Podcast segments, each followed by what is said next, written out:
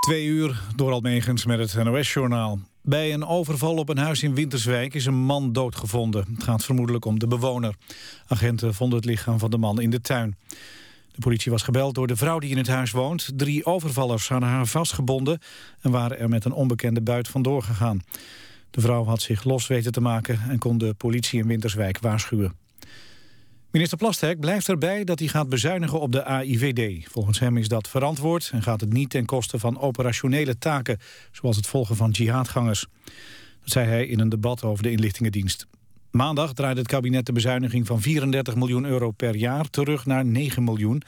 Oppositiepartijen vroegen de minister de hele bezuiniging te schrappen. Ze zijn bang dat de slagkracht van de AIVD eronder zal lijden. Maar volgens Plasterk gaat het vooral om het verbeteren van de efficiëntie... zoals het onderbrengen van de AIVD en de Militaire Inlichtingendienst, MIVD, in één pand. Er wordt gewerkt aan een nieuwe wapenstilstand in het oosten van Oekraïne. Uiterlijk zaterdag willen Moskou en Kiev met de separatisten om de tafel. Dat is afgesproken in Berlijn tijdens overleg waar ook de ministers van Buitenlandse Zaken van Frankrijk en Duitsland bij waren. Het is nog niet duidelijk waar de gesprekken met de separatisten moeten plaatsvinden. Wel is duidelijk dat de OVSE toezicht moet gaan houden op een nieuw bestand. Maandagavond liep het staakt het vuren af dat Oekraïne eenzijdig had afgekondigd. Sindsdien is het geweld in het gebied opgeleid.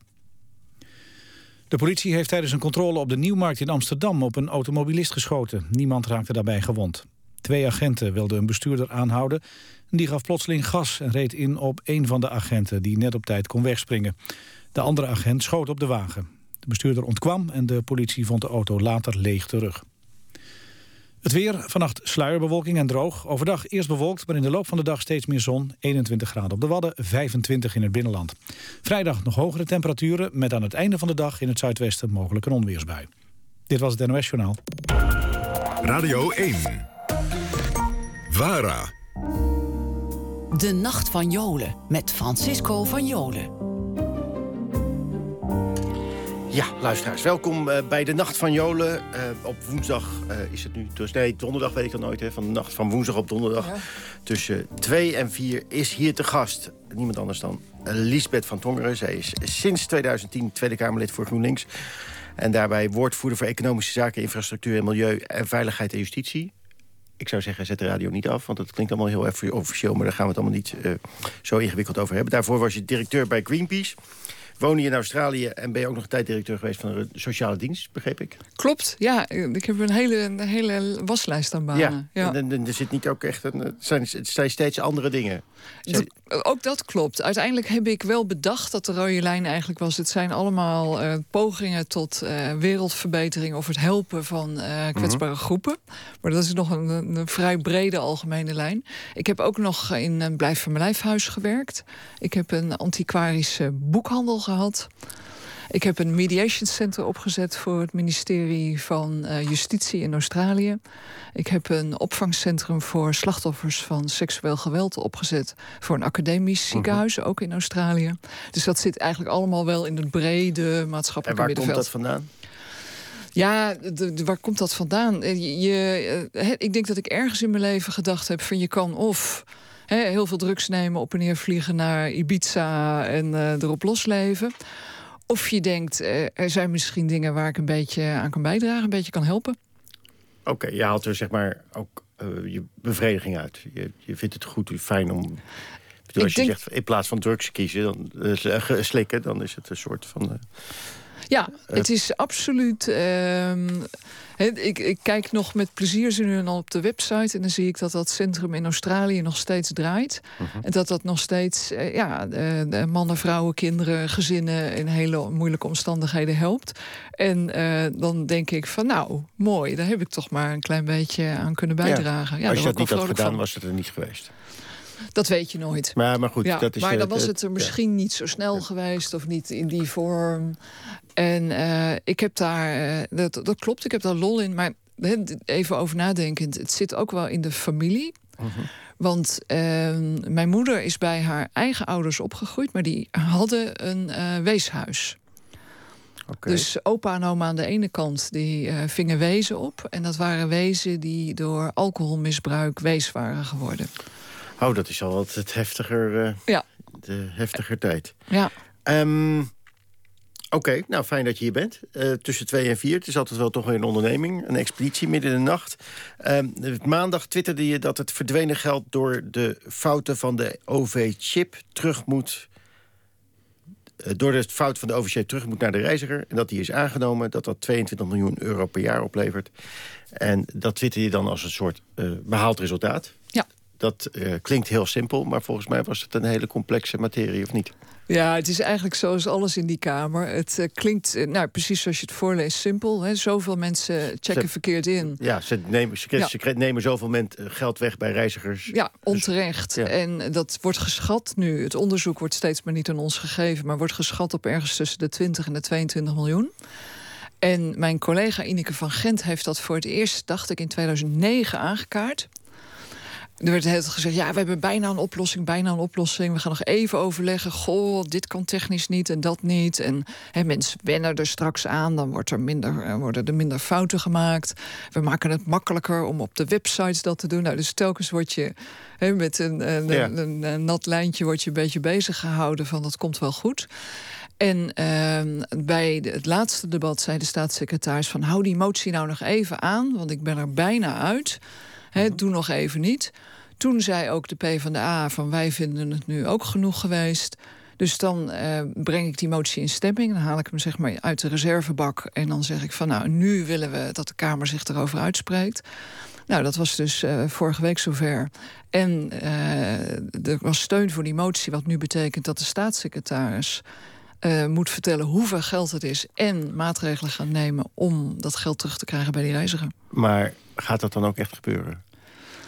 Daar ga je vanuit. Je gaat ervan uit dat in de democratie uh, bewindspersonen moties van de meerderheid van de Kamer serieus nemen. Maar is dat, wat het is, ik zat aan te denken, oké, okay, dat, dat, iedereen die kent het wel. Je, ja. je moet in- en uitchecken, tenminste als je gebruik maakt van het openbaar vervoer. Dat doet ook niet iedereen. Dus, uh, en dan, uh, als je vergeet uit te checken, ben je gewoon geld kwijt. Ja. Ik dacht, als, dat, als ze dat met de horeca zouden doen... Dus als je zou zeggen van in de horeca, ja, je bestelt uh, wat, uh, wat te drinken en je geeft geld en dan krijg je gewoon je geld niet terug. Je krijgt ja. gewoon geen wisselgeld. Dan Precies, dat is het. Ja. Dat is, dan zou de wereld te klein zijn. Dan ja. zouden de, de, de, de, kranten en de, uh, de, de media zouden een campagne starten... omdat dat een groot schandaal is. En dit gaat eigenlijk zomaar voorbij. Het, het is heel raar met sommige onderwerpen hoe het ene moeiteloos kan, ook in het openbaar vervoer. Ik check uh, braaf elke dag in. Wij krijgen van het werk een eerste klas zo'n businesscard. Uh -huh. En wat ik dan heel raar vind, je houdt dat ding tegen die scanner. Iedereen die achter je staat kan zien wat voor een type abonnement je hebt. Ik vind dat helemaal niet nodig dat mensen achter mij uh, weten wat voor kaart ik heb. Ik geef mijn kaarten af aan de conducteur. Dan kan de conducteur zien dat ik voor de Tweede Kamer werk. Uh -huh. Ik vind dat helemaal niet nodig dat een conducteur... Hè, hij mag zien of, of zij of ik een geldig plaatsbewijs heb. Maar waarom moeten zij weten waar ik werk? Nou, jij weet vast nog wel waarom wij op een gegeven moment geen rekeningrijden konden invoeren in Nederland. Dat was omdat dat de privacy van de automobilisten veel zou schenden. Nu weet een, een, willekeurige conducteur in de trein waar ik gereisd heb. Hij kan ook reizen van de dagen daarvoor terugzien. Echt waar? Ja. Hij weet waar ik werk. Hij weet of ik 's ochtends in de tram wel goed in en uit gecheckt heb. En welke tram? Misschien? En welke tram je rijdt. En uh, zij kunnen dat nakijken. Terwijl rekeningrijden kon absoluut niet. Schending van de privacy. Uh, je kon in je auto, weet je, continu bespioneerd. En we hebben hetzelfde in de trein. Mensen klagen wel een beetje, maar dat komt nooit. Echt, maar is dat uh, niet omdat de automobilist veel beter, een veel betere lobby tot zijn beschikking heeft dan de openbaar vervoergebruiker? Dat zou best eens kunnen. En ook omdat de VVD natuurlijk heel goed weet... Hè, die hebben echt duur en goed kiezersonderzoek... die weten dat er twee dingen heel belangrijk voor hun zijn. En um, één, is uh, op die hele veiligheidskant. Je kan -huh. niet hard genoeg straffen. En de andere is uh, auto's, hard rijden, meer asfalt. Alles met de auto? Alles met de auto. Ja, dus het is de lobby, maar het is ook een, een, een, machtige politieke partij. En de mensen met macht zitten niet in het openbaar vervoer? Zitten minder in het openbaar vervoer. Gelukkig zie je ze tegenwoordig hier en daar wel opduiken... die ook de voordelen ervan ontdekken. Maar uh, absoluut minder, ja. Oké. Okay. Ehm, maar goed, je bent er blij mee dat, het, dat de motie is aangenomen. Ik ik ben uh, enorm blij met elk stukje verbetering wat je. He, ik zit met een opdracht van een achterban, een groep mensen die in mij gelooft, voor mij gekozen heeft, die gelooft in waar wij voor staan. Ja, en daar probeer ik dingen voor, voor elkaar te krijgen. En soms kan je dat heel zichtbaar doen, hè, dan ook op Twitter zetten van kijk mij eens. Maar een heleboel dingen krijg je voor elkaar die je of niet echt of nauwelijks kan claimen. Die nauwelijks zijn ook zijn uit te leggen. of moeilijk uit te leggen zijn, maar ook eh, dan moet je hem iemand anders gunnen als je steun krijgt. Wij zijn een kleine partij, dus je hebt altijd andere partijen nodig. Nou, soms mag jij wel het idee aangeven, maar wil die andere partij ook graag de aandacht. En soms doe je het gewoon met de ambtenaren of met eh, de politiek assistent van de minister. Achter de schermen ziet niemand het, maar ik weet het zelf wel. En dan denk ik van nou, mooi. Oké. Ehm, beste luisteraars, heeft u een vraag voor Lisbeth van Tongeren? Bel dan met 0800 1101. Laat een bericht af op onze Facebookpagina. Mailen kan ook naar de nacht van en dat is dus de nacht van Jolen aan elkaar geschreven. Niet de nacht van Jolen, maar de nacht van Jolen aan elkaar. Um, Twitter? Twitter kan ook nog. Ja, dat doen we. we, checken, we, hebben, we hebben dat Twitter-account, maar jij bent een hechte twitteraar, hè? Ik schijn uh, met twee andere Kamerleden de meest effectieve twitteraar in de Tweede Kamer te zijn. Met Pieter Omtzigt en uh, Ulebelt. Kijk aan. Um, die is, die zijn respectievelijk CDA en SP. Ja, ja. Paul ja. Ulebelt. Ja. Um, dus heeft u een vraag? 0800 1101. Bellen is anders, kan je ook in de uitzending komen. Mag ik er overal over gaan. Um, en uh, we gaan even zo'n muziekje draaien. Ik, even, oh, ik moet nog even zeggen dat het programma vannacht wat anders is. Uh, om vier uur begint een nieuw programma. Normaal duurde de Nacht van Joden tot zes uur, maar dat was een beetje erg lang. Dus uh, nu om, vanaf vier uur zit hier Deborah Blekkenhorst met Vroeg. En dat wordt een heel spetterend ochtendprogramma voor mensen... die ook dan net uit bed zijn en fris en fruit, fruitig zijn. Um, wij draaien even Can I Get a Witness van Marvin Gaye, denk ik. Ja, leuk, gezellig.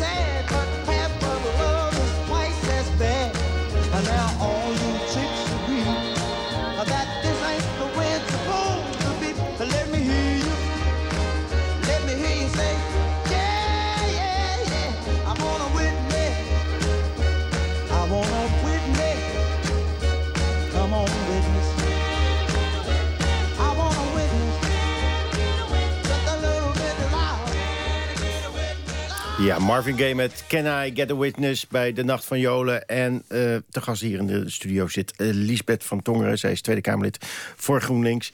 En uh, we gaan het over een heleboel dingen hebben. te beginnen over dat je, begin dit jaar heb je een boek geschreven... Schetsen van een nieuwe economie, waarin je eigenlijk zegt... Ehm, dat we helemaal op de verkeerde weg zitten... als het gaat om het oplossen van de crisis. Nou, zeg ik dat goed of niet? Ja, maar ik probeer eigenlijk anders te beginnen. Van, um, zijn er nou mensen om de economie op gang te helpen? Of is die economie er nou eigenlijk om het voor mensen beter te maken?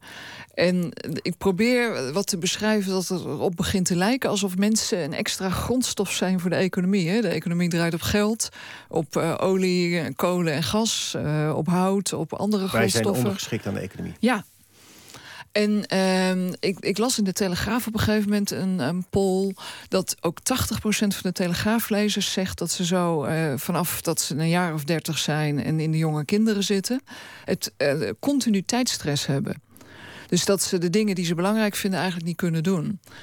Nou, daar is over nagedacht als zelf de mensen in de Telegraaf al zeggen dat ze he, de tijd tekort komen. En wij zijn een van de 16 rijkste, we horen bij de 16 rijkste landen ter wereld. Dus we zijn in verhouding hartstikke rijk. We zijn hoog opgeleid, we zijn best gezond. En dan zegt 80% van de mensen die in die leeftijdsgroep zitten... ik heb het veel en veel te druk, ik kom helemaal aan mijn leuke dingen niet toe. Ik kom aan mijn vriendschappen niet toe, ik uh, zie mijn ouders te weinig... ik kan met mijn kinderen niet gaan sporten.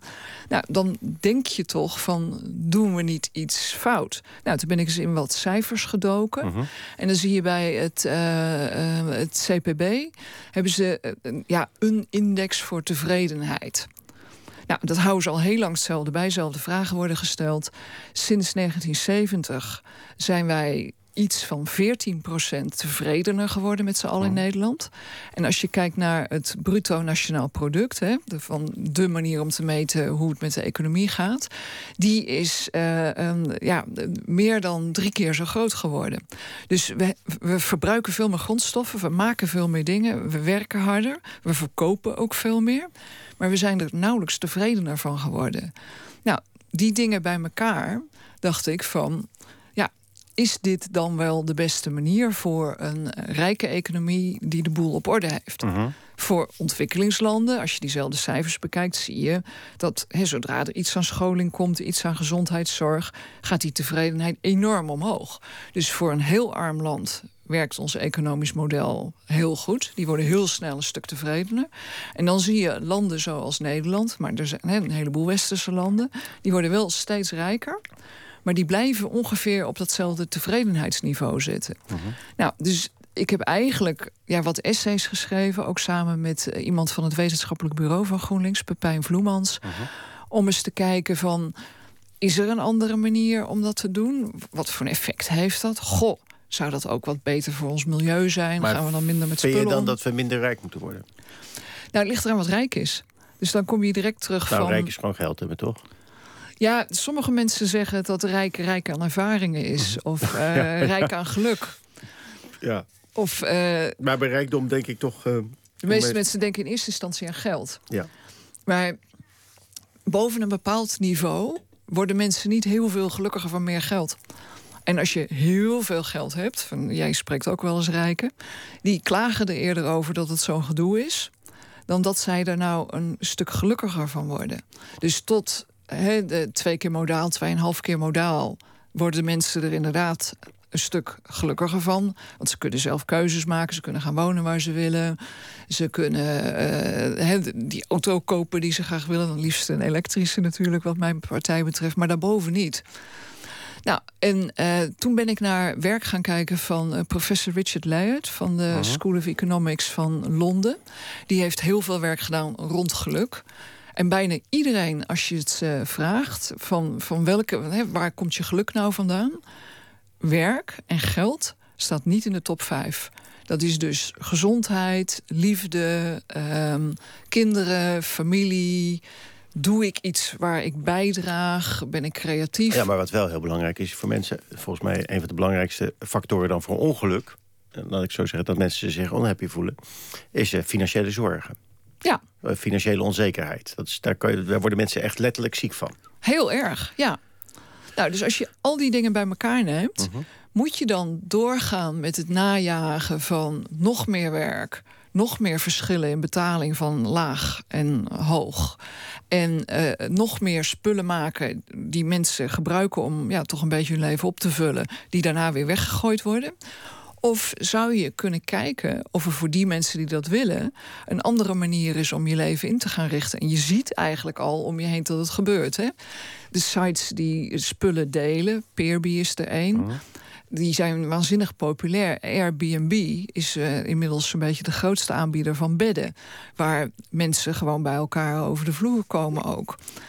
Um, het, er is zo'n app voor autodelen. Mensen hebben daar ongelooflijk veel lol in. Dus je ziet eigenlijk al een andere manier van omgaan. Niet meer, ik hoef alles, ik moet alles zelf hebben en zelf aanschaffen, waar ik dus veel geld voor nodig mhm. heb.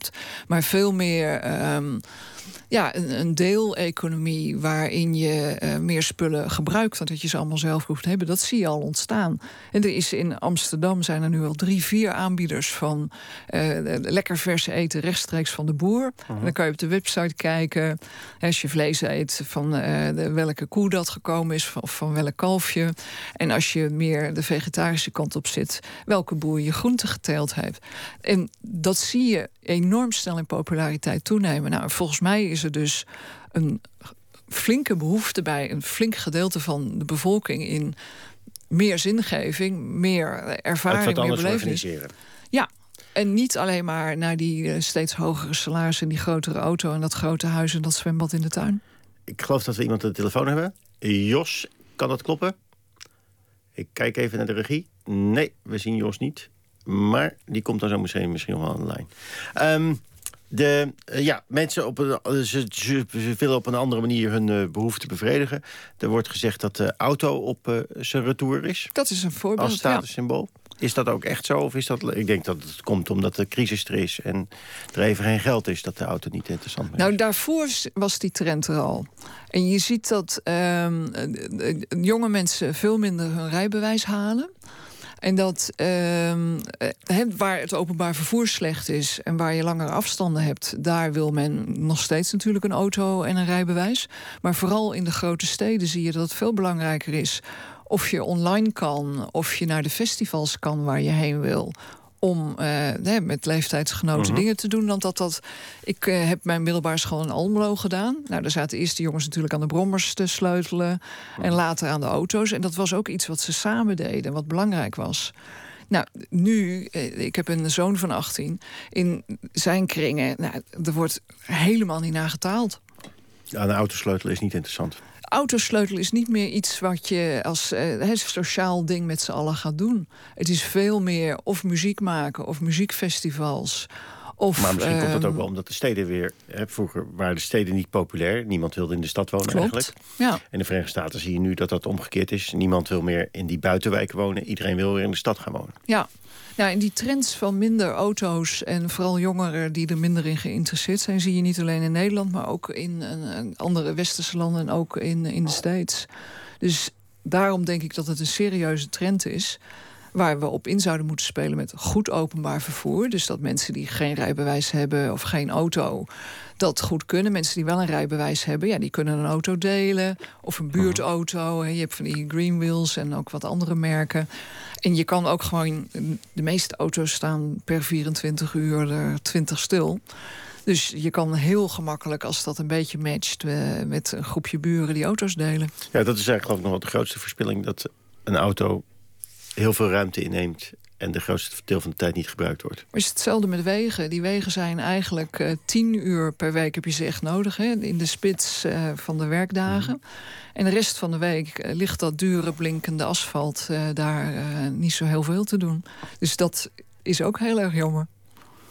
Daar heb je dus de, de schetsen van een nieuwe economie ingeschreven... waar je zegt, waar je zegt, geeft toch wel aan... we moeten wat andere nou ja, vooral probeer eens wat. Uh, geef daar ruimte voor. Laat mensen daarmee experimenteren. Niet om het op te leggen, mhm. maar er is nu maar één model. Dat is 40 uur keihard werken en veel geld verdienen.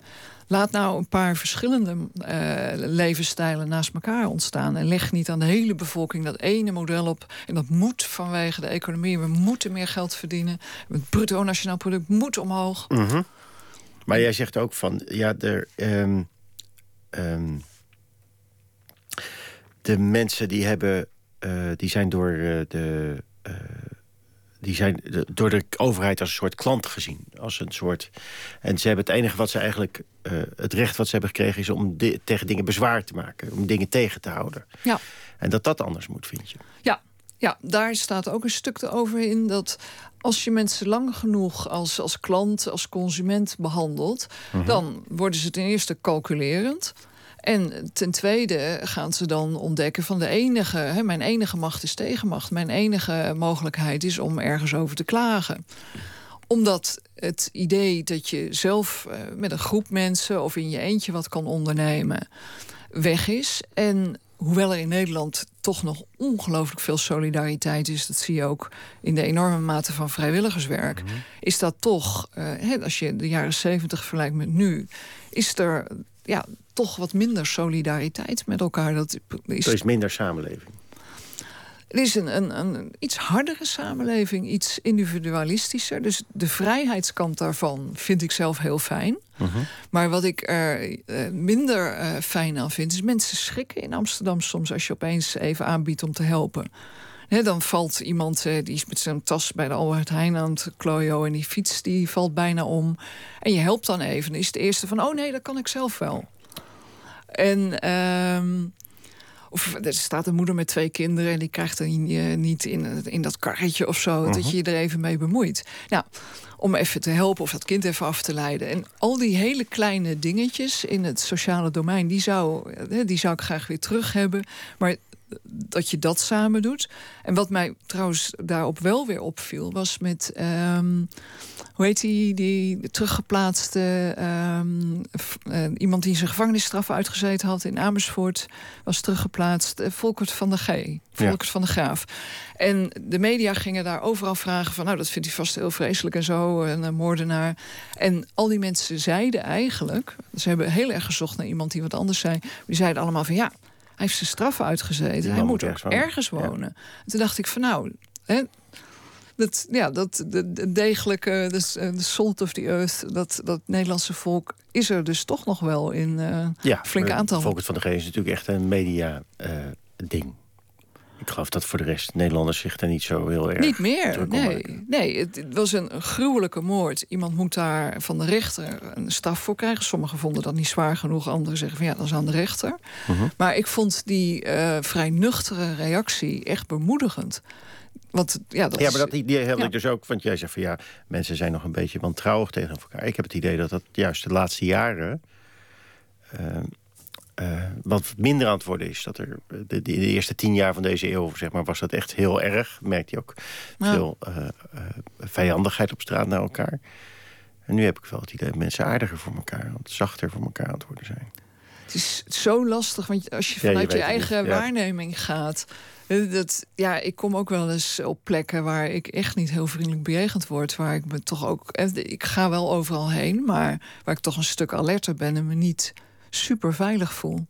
Ja, uh, even kijken. Ik heb hier wat uh, reacties. Uh, ja, de, iemand die zegt van ja, u vindt dat het erg wordt dat, u door de, dat de conducteur precies kan zien waar je geweest bent. Hè? Dat, we, daar hadden we het even over die OV-chipkaart. Ja, die privacy. En daar heb je wel gelijk in. Maar ja, vergeet niet dat je als je een mobiele telefoon gebruikt, dan ben je helemaal, heb je helemaal geen privacy. Ben je overal te peilen waar je bent. Dus waar hebben we het over, zegt Bernard Lamers. Ja, daar heeft Bernard natuurlijk gelijk in. Maar um, ik kom niet dagelijks iemand tegen die mijn telefoon peilt... en dan tegen mij zegt van... oh, mevrouw van Tongeren, u heeft uh, de hele middag alleen maar op uh, kledingwebsites zitten kijken. U was toch Kamerlid, u ja, had ja. toch wat anders moeten doen? En ik kom wel een conducteur tegen die tegen mij zegt... terwijl ik in de coupé zit met andere mensen... van oh, u werkt bij de Tweede Kamer. Dus, Echt waar? Daarom valt het me uh, meer op. En natuurlijk, als, zeker als Kamerlid, als iemand wil weten waar ik overdag ben, ik ben ongelooflijk makkelijk te vinden. Een gedeelte van mijn agenda staat online. Ik maar hoe, uh, hoe verhoudt dat zich nou met dan moet ik even kijken. Ja. Jij zegt, met het verhaal wat je net vertelt. Hè? Ja. Uh, aan de ene kant zeg je van ja, mensen willen niks meer met elkaar te maken hebben. Dus eh, op straat, mensen zijn bang als je ze wil helpen. Ze zijn niet meer zo gewend. Ja. ze zijn meer gewend. Ja. En je zou kunnen zeggen, die conducteur... dat, is, uh, dat is de Global Village. Want ja, in de Global Village weet... Oké, ik denk dat ik even op mijn telefoon ging zetten. Dat was Siri. Ja. Dus die moeten we even... Siri gaat zich met het gesprek bemoeien. Die is uh, wel leuk. Die, uh, Jouw telefoon praat terug tegen jou. Ja, als ik iets Ja. zeg tegen mijn telefoon, Ja. dan zegt hij wat terug. Ja. Ehm, die... ehm, eh, wat, wat was ik nou aan het vertellen? Oh, ja, of dat een onderdeel is van de Global ja, ja, maar Village. goed, de Global Village, waar iedereen alles van elkaar weet... dat hoort er ook een beetje bij. En die conducteur, nou ja, die zou vroeger... als je op een dorp gewoond hebben, zou die geweten hebben... dat hij in de Tweede Kamer zit. En die weet dat nu ook. En die zegt dat alleen maar. Wat is daar erg aan? Ja, ik denk dat een, een, een, een deel van wat ik fijn vind van niet meer in een klein dorp wonen, is dat je anoniem kan zijn als je ervoor kiest. Je kan je locatie zoeken op je telefoon uitzetten. Je kan desnoods hem thuis laten. En ehm, als ik een gesprek had met die conducteur, die, soms zitten ze in de eerste klas tussen hun diensten en dan klets je met ze, dan wil ik ze best vertellen wat ik doe. Want dan heb ik contact met hem. En dan besluit ik die informatie ook met hem te delen. Maar hij ziet mijn informatie die hij niet nodig heeft. Je wil en niet dat dit voor jou beslist wordt. eigenlijk. Precies. Dat is Ja. een beetje waar het op gaat. Ja, ja. Ehm, aan de telefoon hebben we eh, meneer of mevrouw van der Linden uit Barneveld. Goeiedag. Nou, meneer Van der Linden, goedenavond. fijn. eh, Goedenavond. eh, goedenacht, de heer Van Jolen. Ik eh, onderschrijf helemaal wat eh, mevrouw Van Tongeren zegt. En ik heb een volgende vraag. Ehm, ik zal beginnen. Ik zit in een situatie, dat is eh, als chronisch patiënt met een invaliditeit. En op basis daarvan heb ik ook een inkomen. En ik zit al op het tweede jaar op rij in een betalingsregeling bij mijn verzekeraar met het eigen risico. Het ehm, aflossen daarvan is oké, dat is nog te doen. Maar eh, ik kreeg laatst ook een mailtje van eh, de Socialistische Partij, waar ik dus lid van ben. Dat Em- Emiel Roemer ook zegt van ja jongens, dit gaat wel oplopen tot misschien wel 400 euro volgend jaar. Dus A, mensen komen met een minimaal inkomen niet meer in mijn positie uit die betalingsregelingen. En hier komt het ergste. Laatst had ik een behandelaar nodig. Een verwijzing van mijn huisarts naar een specialist. Eerste lijns. En dan zegt mijn verzekeraar doodleuk... Ja, dat is prima, meneer Van der Linden. Die kunt u wel krijgen, maar we hebben geen contract met die persoon. Dus u gaat 40% daarop Dus je keuzevrijheid wordt ook nog eens een keer beperkt. Uh, Ja, ja, ja. De verzekeraar gaat absoluut te ver en op de ehm, stoel zitten van eh, artsen. En wat, eh, wat, wil je weten van, me, van eh, Lisbeth van Tongeren? Wat ze A daarvan vindt, Ja. eh, wat mevrouw van Tongeren van deze ontwikkelingen vindt, en B, eh, ja, dit land creëert op deze manier zorgmeiders en dan wordt alles nog eens een keertje gedecentraliseerd naar gemeenten, onder de WMO ondergebracht. Eh, ik ben het zo langzamerhand, ben ik een beetje de weg kwijt aan het raken waar dit nou allemaal naartoe moet gaan. Dat lijkt me een duidelijk standpunt. Ik ga het eens even voorleggen. Dankjewel, eh, meneer Van der Linden uit Barneveld. Lisbeth, Dank u. ehm, ja, dit is volgens mij iets wat veel mensen bezighoudt. Vooral de mensen die er direct mee te maken hebben. Ja. Eh, eh, dingen worden duurder en ze krijgen minder, steeds minder vrijheid eigenlijk om te kiezen. Ik vind het eigenlijk wel heel raar dat je ziet... Er wordt, aan de ene kant wordt er een beeld geschetst van... ja, het, er moest marktwerking komen, want dan had je veel meer keuze. En nu blijkt dat mensen eigenlijk helemaal niet zoveel keuze hebben. Nee, precies. En dat is ook waarom eh, ik op een heleboel vlakken denk... marktwerking kan daar iets goeds betekenen... maar er zijn ook gebieden waar je dat absoluut niet moet doen. En ik ben niet voor eh, marktwerking in het openbaar vervoer... zoals we dat eh, regelen. En ik ben ook niet voor deze vorm van marktwerking in de zorg. En helemaal niet, dat zei deze meneer nog niet... maar dat zal hij ook wel vinden... is dat we nu besloten hebben dat ziekenhuizen winst mogen maken. Nou, daar begrijp ik werkelijk helemaal niks van. Met z'n allen leggen wij geld bij elkaar om te zorgen... dat hè, iedereen fatsoenlijke zorg krijgt. Je kan niet kiezen met wat voor een gezondheid eh, je geboren wordt... of wat je later overkomt. En hier zie je ook weer dat het verschil tussen arm en rijk steeds groter wordt. Want iemand die rijk is, die kan besluiten van... ja, wat maakt mij het uit? Ik wil toch naar die arts, ik ga er gewoon wat- heen. waarom wordt er dan besloten dat ziekenhuizen winst mogen maken? Omdat wij op dit moment... eh, ja, de PvdA zit er wel in, maar we hebben toch een... een eh, VVD-kabinet. Een VVD-kabinet. Maar iedereen weet dat dat... Ik bedoel, de landen waar dat zo is... werkt dat niet heel erg goed. Nee, nee. In die landen wordt het uh, alleen maar ja, erger. Dus de rijke mensen die kunnen hun zorg goed bij elkaar uh, kopen. En voor uh, gewone mensen met een normaal inkomen wordt het steeds moeilijker. En die gaan ook. Ik heb een, een, goede kennis in Amsterdam zitten... die een hele tijd ook in die artsenvereniging gezeten heeft. En die gaf mij ook een waslijst van voorbeelden van mensen die zorg mijden. En vervolgens dus veel duurdere zorg moeten hebben, omdat hun probleem inmiddels verergerd is. Nou, deze meneer eh, Van der Linden die heeft een chronische ziekte. Dus die komt daar ook niet meer uit. Die kan niet denken van nou, op een gegeven moment als dit genezen is, dan pak ik de draad mhm. weer op. En ik vind dat je dat is ook een van de dingen in die schetsen van de nieuwe economie. Dat mensen niet alleen beoordeeld moeten worden of kunnen deelnemen op hun economische waarde. Maar dat voor iedereen uh, ja, er een fatsoenlijke plek moet zijn. Dus dat je moet herverdelen tussen de hoge inkomens en de winsten die de bedrijven uh, nemen. En uh, de mensen die de lage inkomens hebben. Ja, maar wat mij, ik wil niet somber zijn, want daar hou ik helemaal niet van. Je boek, je boek trouwens is ook helemaal niet, eigenlijk niet somber. Maar je, je constateert wel, als wij het lijkt elke keer te zijn... als we de keuze hebben tussen twee opties, een goede en een slechte... dan kiezen we voor de slechte. Ja, Nederland is, en dat zie je eigenlijk bij alle stemmingen... toch een land wat net iets rechtser is dan linkser. Nou, ik ben uh, links en progressief mhm. en heel erg groen. Dus dan zie je uh, regelmatig besluiten gemaakt worden... door een meerderheid waarvan je denkt van ja... Dat is nou jammer, dat had toch net een stukje beter gekund.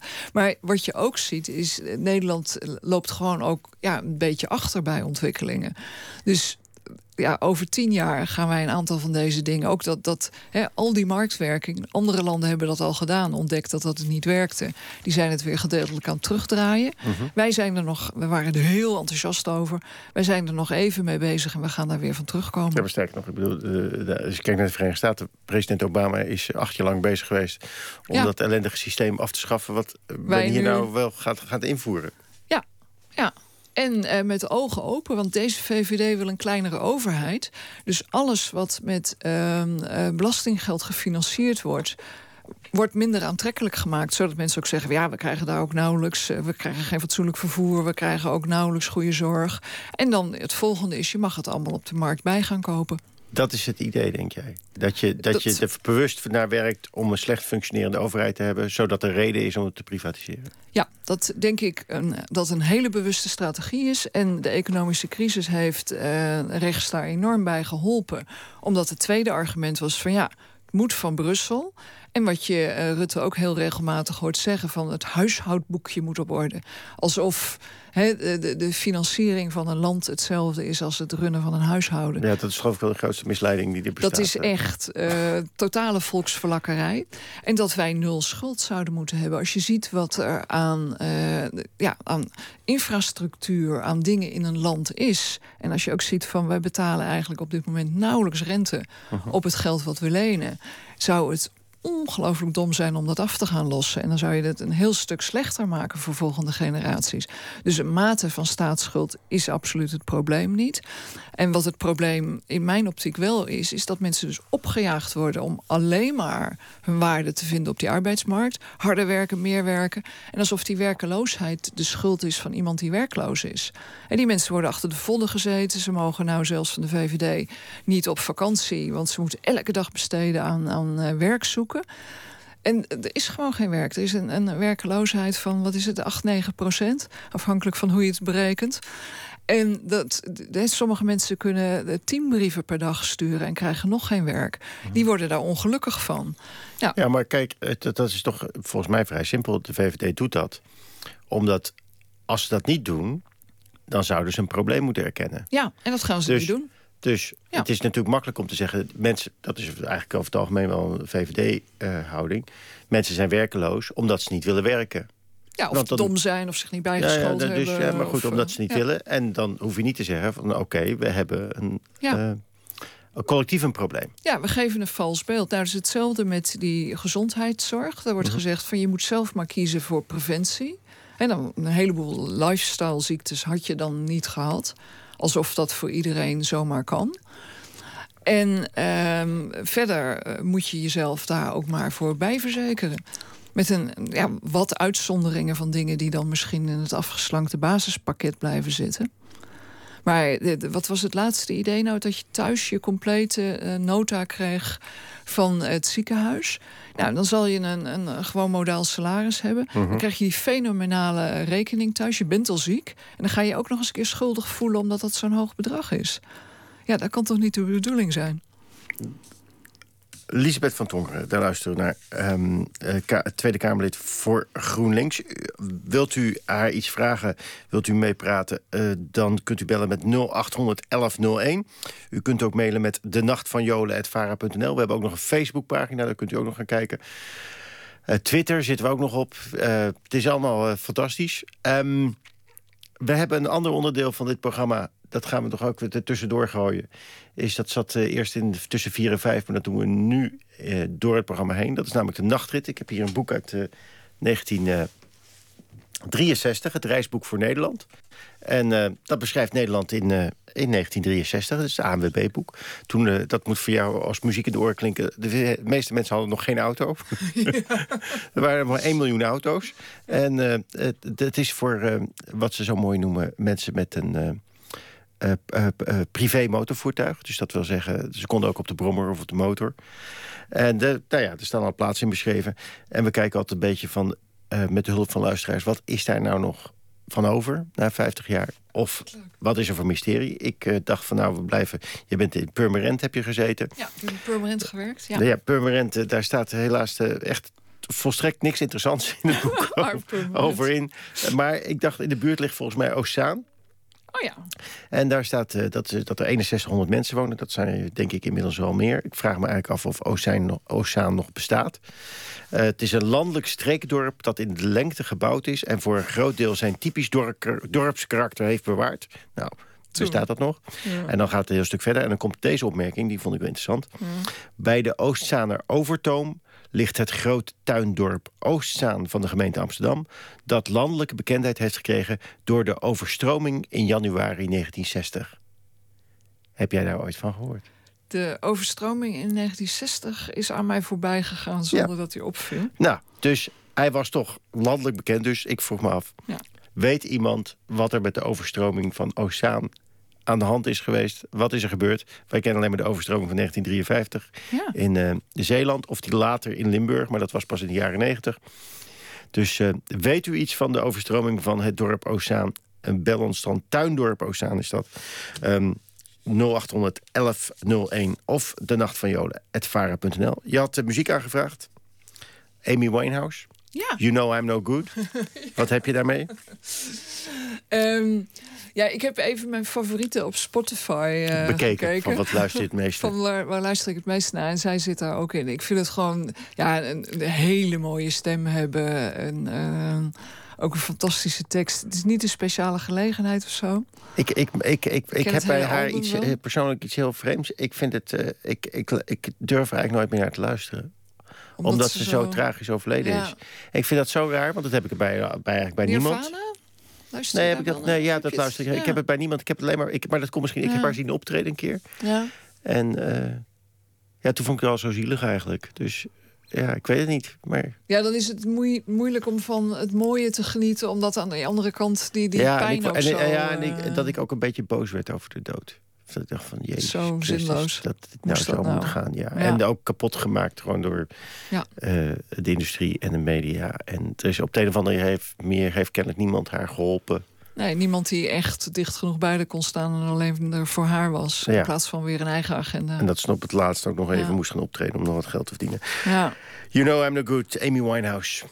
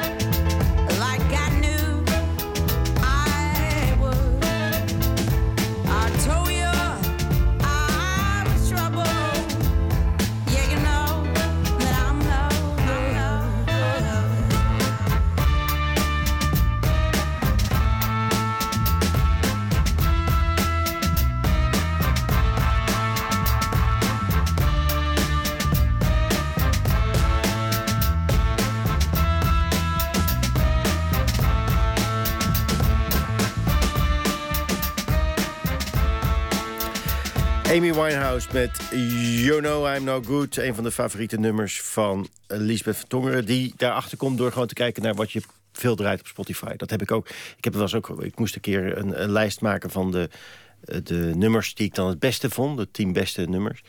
En dan ga je nadenken van, nou, wat vind ik dan eh, goed en zo. En dan kom je...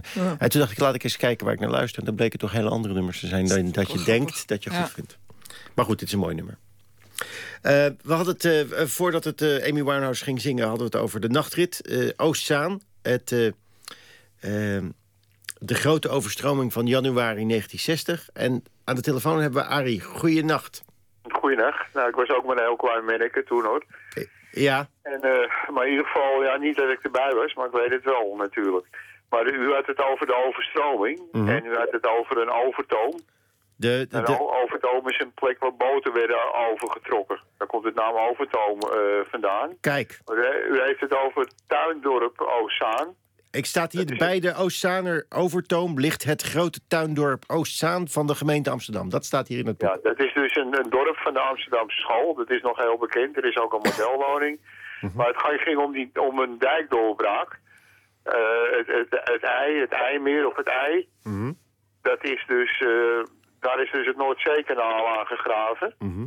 En er was een zijkanaal K, noemen ze dat. Dat werd aangeduid. En het is een dijkdoorbraak geweest van het zijkanaal K. En hoe, hoe, dat er een... Hoor je hem of niet? ja, ja, ja, weet u ook hoe, die, hoe het kwam dat die dijk doorbrak? Eh, nou ja, een, verzakking, een wegspoeling, Oké. weet ik wat. Ja, wat, je ook, wat we ook bij Woerden hebben gehad, zoiets. Dat het dijklichaam eh, daar niet in orde was. Dat, En- dat herinner ik me ervan natuurlijk. En toen, verhaal. wat gebeurde er toen? Nou, toen is er een, eh, is er dus, die, die dijk is doorgebroken. Maar je hebt dus, je hebt dus Oostzaan, dat is een lintdorp. Mhm. En dat, dat tuindorp, dat is ondergelopen. En er is één oudere mevrouw bij om het leven gekomen. Dat weet ik wel. Echt waar, joh.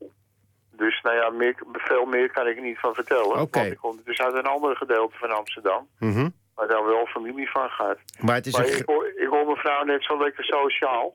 Ja, En ik had de vraag ook van haar. Ik wou, ik wou dat ze eens even een beetje belde of eh, vertelde... Ja. over die woningcorporaties met die parlementaire enquêtecommissie. wat nu aan de Wat ze gang daar is. nou van vindt. Oké, dat, dat gaan we even Ja, vragen. En, en want wij zitten hier in deze omgeving met een club die heet IJmeren. Ja. Nou, die kunnen er wat van hoor. Het Fonds Sociale Woningbouw, eh, dat geeft ze geen geld meer. En Hm. in, het, in, die, in het gedeelte waar ik nou zit, vlakbij Amsterdam, Ja. nemen ze even de boel over.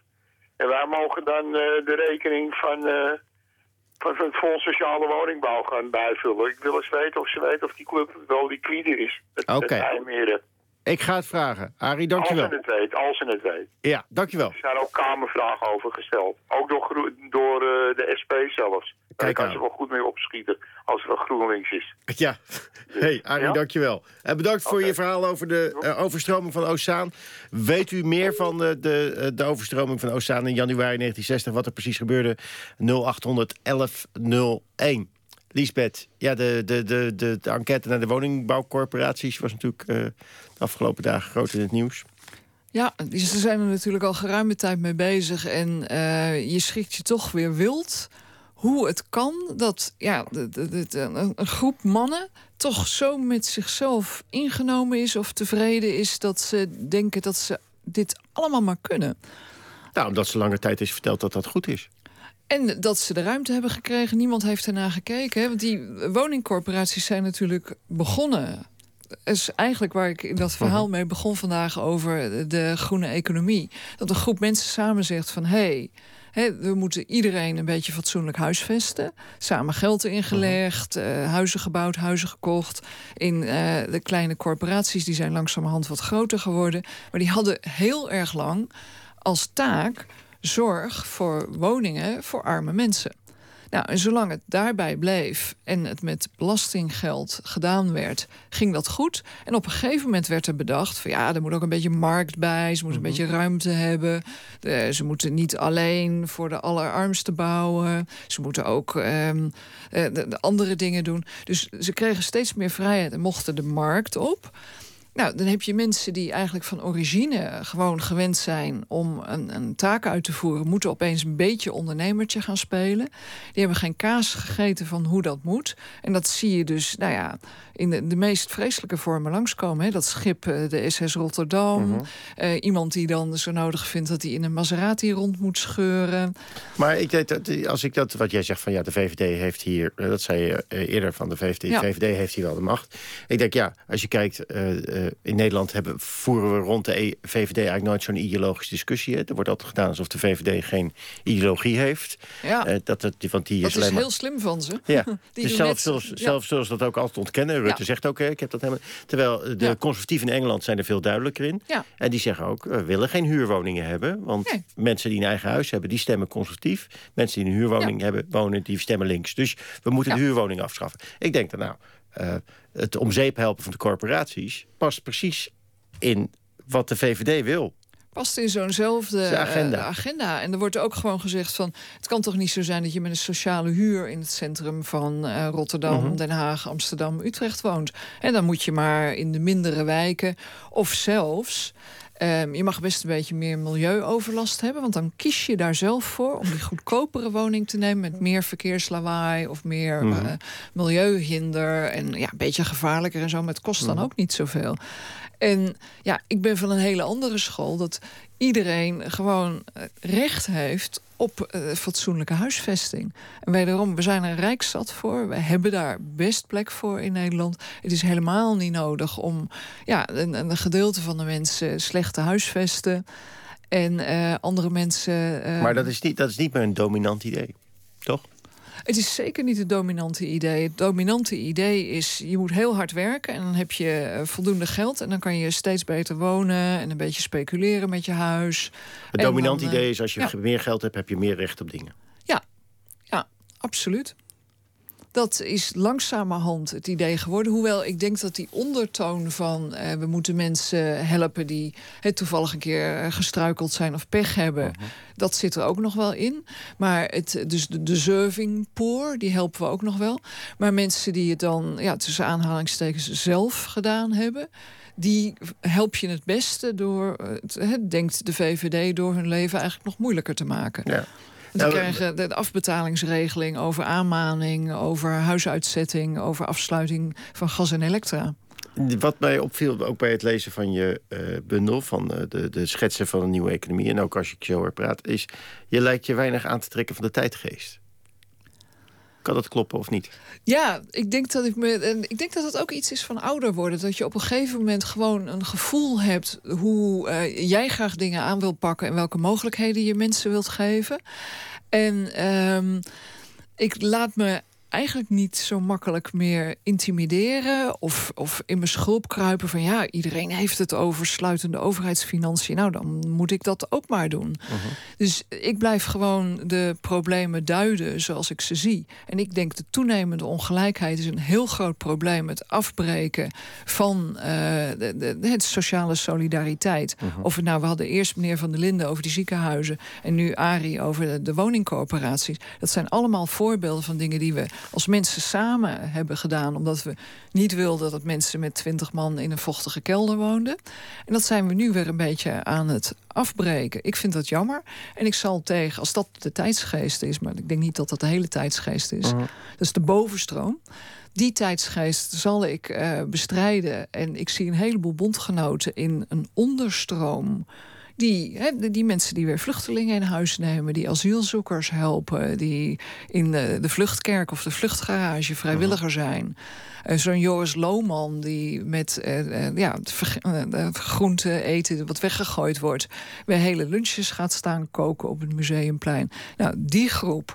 Dat, Dat- vind jij veel interessanter. Dat is de, de onderstroom waar ik me thuis voel. En met die groep gaan wij de bovenstroom toch weer een beetje in balans zien te krijgen. Maar die... eh, ja, die ben eh, ik van overtuigd. Ja, ja, die... eh, ehm, maar je zou kunnen zeggen, kijk, die mensen die bellen nu, die hebben hun zorgen. Je zou kunnen zeggen, dat het, het, de, de, het overheidsbeleid, zoals dat nu wordt ingezet, veroorzaakt een hoop ongeluk.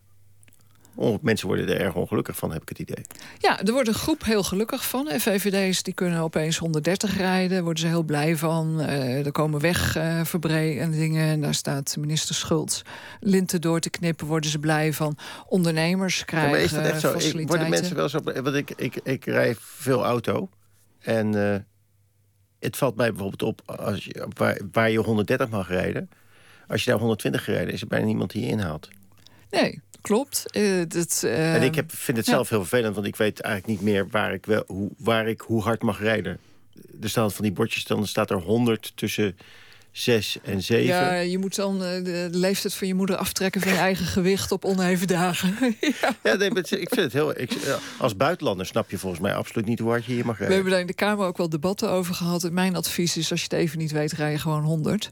Dat is, eh, het kost je minder geld. Je bent eh, een halve minuut later op je bestemming. Je vervuilt minder. En je hebt niet de stress dat je denkt van, krijg ik een boete? Maar er zijn blijkbaar mensen die echt heel gelukkig worden van eh harder rijden.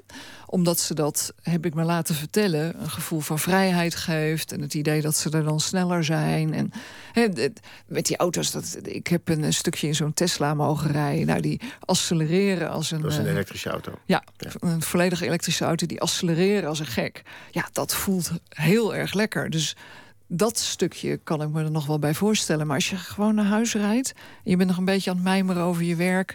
dat je dan ehm, gelukkiger wordt van 130 dan van 100... Ik geloof het niet, maar ja, ik dan laat me door de VVD'ers vertellen... dat er mensen zijn die daar eh, Er erg ongelukkig gelukkig van worden als ze geen 130 mogen rijden. Ja, die sowieso van dingen ongelukkig worden. Maar aan de andere kant, en dan is het niet zozeer het gevoel... maar mensen die echt een heel stressvol en, en zwaar leven hebben... ook eerder doodgaan. Eerder, hè, er zit negen jaar tussen mensen aan de onderkant van onze samenleving... aan de bovenkant, wat je aan eh, leven in gezondheid doorbrengt. Nou, dat is een uitkomst die in zo'n rijk land als Nederland niet eh, eh, zou moeten. Minder stress. Ook nog eens een keer. Lisbeth van Tongeren is de gast bij de Nacht van Jolen. Eh, dit was het eerste uur. U, eh, voor het eh, tweede uur komt na het nieuws. Dat is eigenlijk altijd vanzelf. Daar hoef je voor de rest niks aan te doen. U kunt ook bellen 0811 01 tot na het nieuws ehm, van de NOS. Tot zometeen.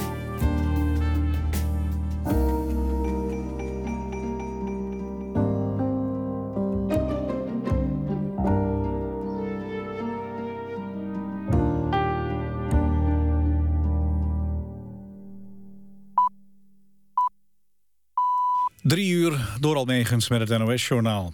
De Verenigde Staten vragen om strengere veiligheidsmaatregelen... op buitenlandse luchthavens met rechtstreekse vluchten naar Amerika. Volgens bronnen maakt het Amerikaanse ministerie voor Binnenlandse Veiligheid... zich zorgen over explosieven die moeilijk zijn op te sporen. Terreurcellen van Al-Qaeda in Syrië en Jemen zouden werken aan bommen zonder metaal. Radicale moslims met Amerikaanse of Europese paspoorten zouden kunnen proberen met zo'n bom aan boord van een vliegtuig te komen. Welke luchthavens zijn gevraagd om de beveiliging aan te scherpen is niet bekendgemaakt. Het Amerikaanse persbureau AP schrijft dat er 250 luchthavens zijn... waar vandaan rechtstreekse vluchten naar Amerika gaan. Ook Schiphol hoort daarbij. De verkoop van vuurwerk wordt waarschijnlijk toch niet aan banden gelegd. Het kabinet wil het aantal verkoopdagen terugbrengen van drie naar twee. Maar volgens Nu.nl houdt de Tweede Kamer dat tegen. Vandaag debatteert de Kamer erover met minister Opstelten en staatssecretaris Mansveld. Een ruime meerderheid van VVD, PvdA en CDA zou vinden dat de voordelen van minder verkoopdagen niet opwegen tegen de nadelen. PvdA en VVD denken dat er meer illegaal vuurwerk wordt verkocht als het moeilijker is om legaal vuurwerk te kopen. Als het kabinetsplan inderdaad sneuvelt, mag er gewoon nog vuurwerk worden gekocht van 29 tot en met 31 december. De Franse ex-president Sarkozy zegt dat hij het slachtoffer is van een politiek complot. In een interview in het Franse tv-journaal zei hij dat een deel van de rechterlijke macht een instrument van de politiek is geworden. Sarkozy kwam gisternacht vrij nadat hij 15 uur lang was ondervraagd op een politiebureau. Er loopt een justitieel onderzoek tegen hem wegens corruptie, machtsmisbruik en schending van zijn beroepsgeheim. Sarkozy zei dat hij onschuldig is en verklaarde diep geschokt te zijn over wat er met hem is gebeurd. Het weer vannacht sluierbewolking en droog. Overdag eerst bewolkt, maar in de loop van de dag steeds meer zon. Het wordt 21 graden op de Wadden en 25 graden in het binnenland. Dit was het NOS Journaal. Radio 1. VARA. De Nacht van Jolen met Francisco van Jolen. Ja, en met uh, met uh, Lisbeth van Tongeren... die te gast is in uh, de Nacht van Jolen. Met haar praat ik over um, ja, de dingen waar zij voor staat. Zij is Tweede Kamerlid voor GroenLinks. we hebben het gehad over de economie. En zij zegt, ja, je ziet eigenlijk dat de economie steeds belangrijker is geworden. Alles draait om geld. En steeds minder om mensen. Uh, daar hebben we het over gehad. En het komende uur gaan we het hebben over het klimaat. Dat doen we onder andere ook uh, aan de hand van uh, een voorbeeld wat we hebben. Tuindorp Oostzaan aan de, van de gemeente Amsterdam. Wat in 1960 is overstroomd. En we zijn een beetje op zoek naar het verhaal van erachter. Wat is er toen gebeurd? in 1963 was dat heel erg bekend. Staat in het reisboek voor Nederland, wat wij altijd gebruiken voor Nederland, voor uh, dit programma. En uh, nu weet eigenlijk niemand meer wat er gebeurd is. Dus weet u iets wat er gebeurd is in uh, Tuindorp Oceaan um, met de overstroming van januari 1960? Bel 0800 1101. in de tussentijd gaan we even luisteren naar Bos Keks. Die zingt over Lowdown.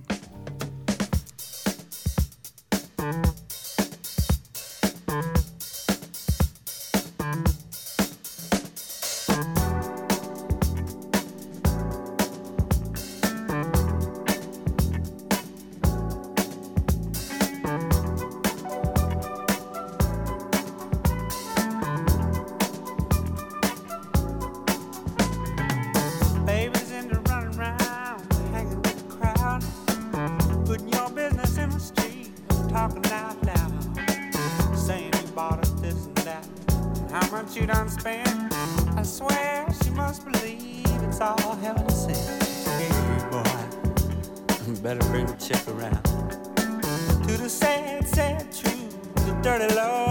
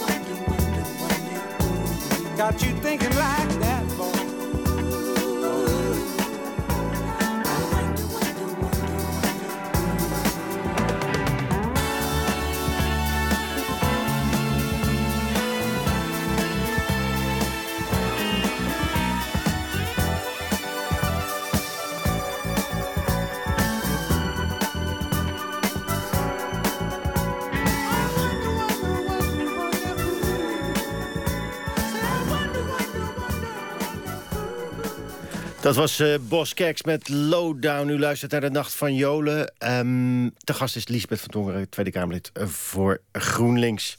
Eh, we hadden het in het eerste uur over de economie. Het, het- dit uur dacht ik van, laten we het eens hebben over het klimaat. En dat is volgens mij eh, naast de economie ongeveer het belangrijkste wat jou bezighoudt. Fascineert.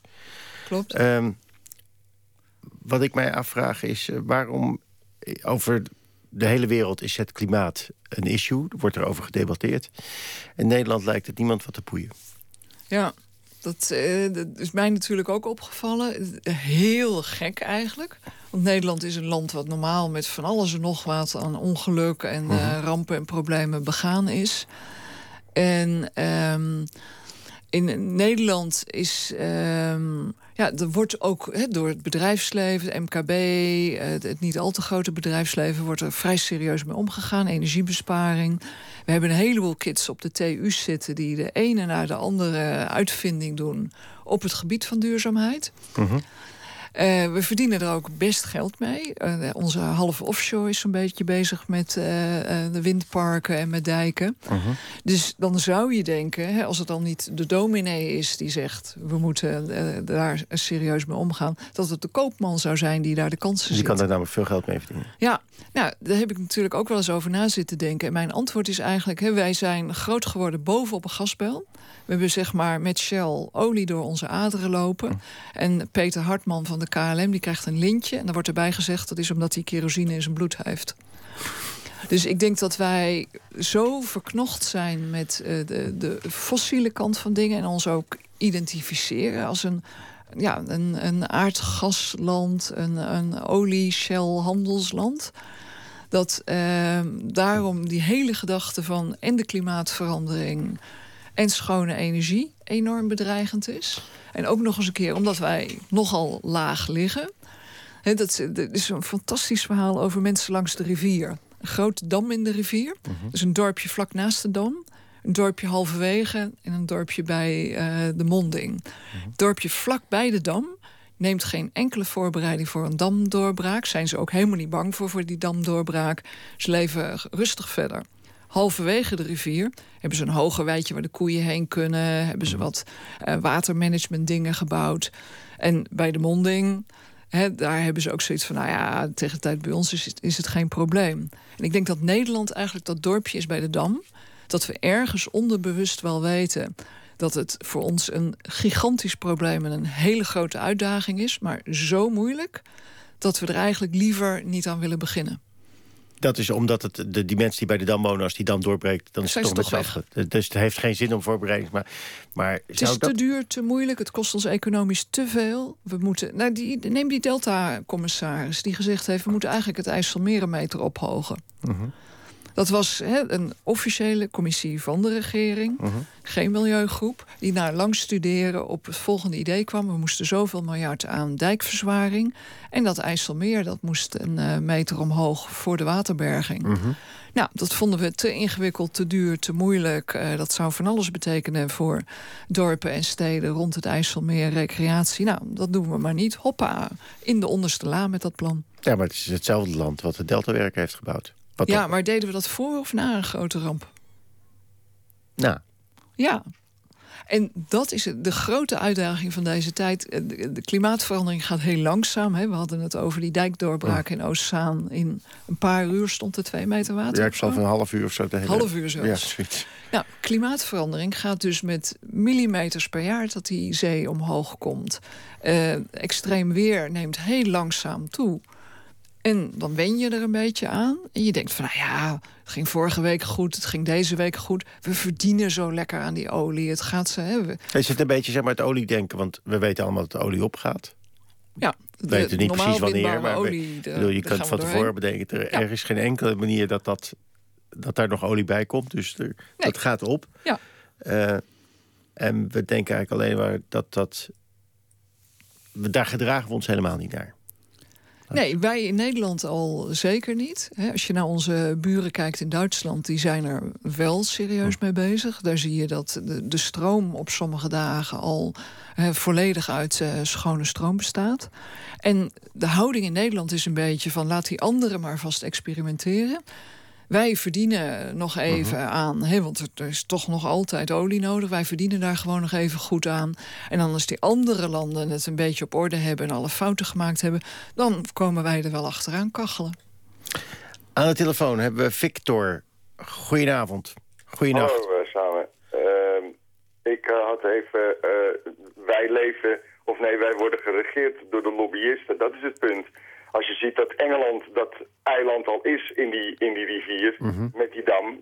dat loopt elk jaar onder. En we gassen gewoon door. Ja. En wat, eh wilt, wat wilt u vragen? Nou, dat was... eh, want eh, u had het vanmiddag er ook al over in... de Nieuws-PV. PV, eh, de Nieuws-PV? Ja. Nee, even. Ja, dat nieuws. Eh, die kwestie met GroenLinks, toen dacht ik van... hoe, hoe overgedramatiseerd is die serie van House of Cards eigenlijk? Want ik, vind dat, ik vond dat echt een serie van House of Cards. ja, dat En moet u... zoals u dat ook toelichtte... Ja. u kreeg niet de gelegenheid om erover uit te praten... want eh, alleen s'nachts eh mag u eh, schaamteloos lang een onderwerp uitdiepen... maar dat is overdag mag dat vooral niet langer dan de muziek daarna... Ja. Maar ik vind dat eigenlijk wel... Ja, ik, ik maak me dan wel zorgen over de politiek in Den Haag. ja, dat is een eh, mooi onderwerp, eh, Victor. Daar gaan we het even over hebben. Dankjewel. Oké, hoi. Ja, je bent een eh, fan van de House of Cards, Ja, hè? De, de, ja, de tv-serie eh, eh, Ja. die je alleen via Netflix eh, kan zien. Eh, op, eh, op je computer of op je eh, eh, ja, ja, tv ook natuurlijk. Die, en die gaat over een, eh, een eh, Amerikaanse politicus... die eigenlijk zonder scrupules zijn eh, politiek bedrijf... zich door niemand eh, laat tegenhouden. En vanmiddag hadden we het in de Nieuwsbv even over... ehm, de benoeming van Van Woerkom. En wat voor rare dingen er gebeurden. En ik denk dat hij daar aan refereerde. Ehm, ik zei van ja, eh, Linda Voortman is nu geschorst. Die is eh, door, de, door de voorzitter van de Tweede Kamer. En zij was ook degene die als eerste eh, kritiek uit op van, van Woerkom. En ik zag daar een parallel tussen. hè. Ik zei van ja, ze wordt gestraft omdat ze als eerste naar buiten is getreden. Lijkt de politiek op de House of Cards? Ehm, er zit zeker, en ook Borgen, er zijn meer van die series. Er zit zeker een eh, flinke element in van wat klopt. Hè. We hadden het net even over het klimaat. En een van de dingen die ik vaak zeg is: de democratie is ja, het beste systeem wat we kennen. Heeft een, een, heleboel voordelen, maar het is in twee dingen heel erg niet goed. En dat is omgaan met, eh, met wetenschap, wetenschappelijke inzichten, wetenschappelijke feiten. En het is niet goed in de lange termijn. Nou, wat moet je nou bij klimaatverandering vooral hebben? Zoals die meneer zegt, je moet het niet van de lobbyisten hebben... en de korte termijn belangen en alle machtsspelletjes. Maar eh, je moet vooral een plan trekken op de langere termijn. En dat is ook waarom het zo ongelooflijk ingewikkeld is voor landen... om dat echt voor elkaar te krijgen. Want die korte termijn belangen, hè, of het nou de ANWB is... of eh, de Shell-lobby, of ehm, de wegenbouwers of de autoverkopers die is zo kort termijn en heftig dat het heel lastig is om daar tegen in te gaan met. Ik heb het vandaag nog gedaan aan Kamp gevraagd van, maar als je dan in 2050 op een schone economie uit wil komen, welke stappen moet je dan de komende jaren nemen? Nou, ja, het antwoord is ongeveer blanco. Ja, ik doe wat ik kan en meer kan niet.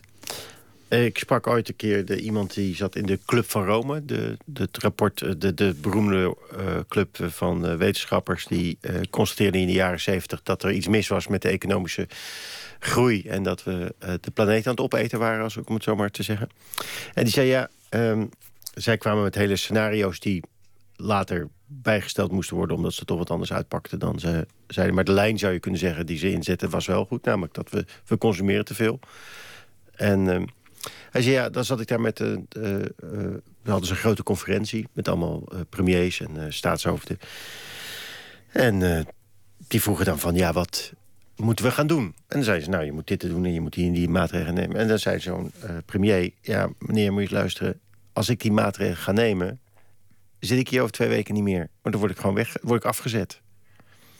Dat is toch wel, als je de maatregelen gaat nemen die je zou moeten nemen voor het milieu, dan word je toch ook weggestemd, of niet?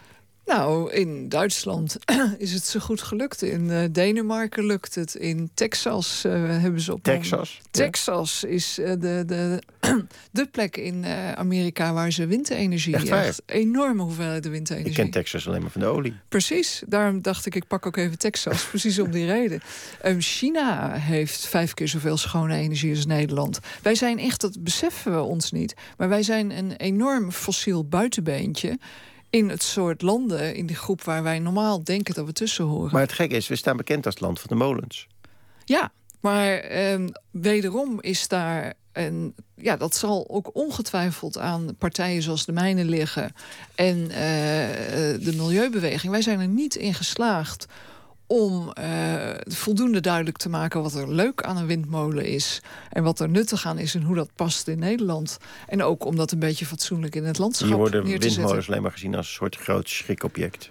Ja, ja, een eh, hoogspanningsmast is prima, daar hoor je niemand Ja, over. snelweg is ook goed. Maar Snelweg is goed. Er staan, nou wat was het? Iemand vertelde mij dat er staan vier keer zoveel boorplatforms in de Noordzee als in de Nederlandse Noordzee windmolens. Je hoort niemand over die olieboorplatforms of gasboorplatforms. Je hoort iedereen over die, of iedereen, je hoort veel mensen over die windmolens. En een van de dingen die ik heb, van die kleine succesjes in de Kamer die ik voor elkaar gekregen heb, is dat er gekeken wordt naar een model waar de Duitsers een succes mee gehad hebben. Is dat mensen die in de buurt van windmolens zitten financieel kunnen deelnemen, er een stukje van kunnen kopen en dan ook eh, meedelen in de winst. Dus die zien elke keer als die molen draait, horen ze ook de kassa. En dat eh, is voor een heleboel mensen net het verschil tussen zie ik hem of heb ik overlast? En als je hem alleen ziet en denkt van nou ja, daar kunnen we ook van op vakantie of het huis nog eens eh, overschilderen, dan voelt hij neutraal of fijn. En als je denkt ja, die boer zit daar rijk te worden en ik eh, zit er alleen maar naar te kijken, dan worden er Nederlanders ook chagrijnig van. Even over windmolens gesproken. Ik, we, zijn bezig ook met de nachtrit. Hè, dus we maken dan aan de hand van het reisboek van, eh, voor Nederland uit 1963... kijken we of dingen nog overeind zijn. Ik heb nog eh, een... We hadden het eh, al over het dorp Ossaan... wat in eh, 1960 overstroomd is. Als mensen daar wat van weten, 0800 1101. En ik heb nog een ander mysterie, namelijk... Ik heb opgezocht Zaandijk. Dat ligt er volgens mij vlakbij. 5100 inwoners.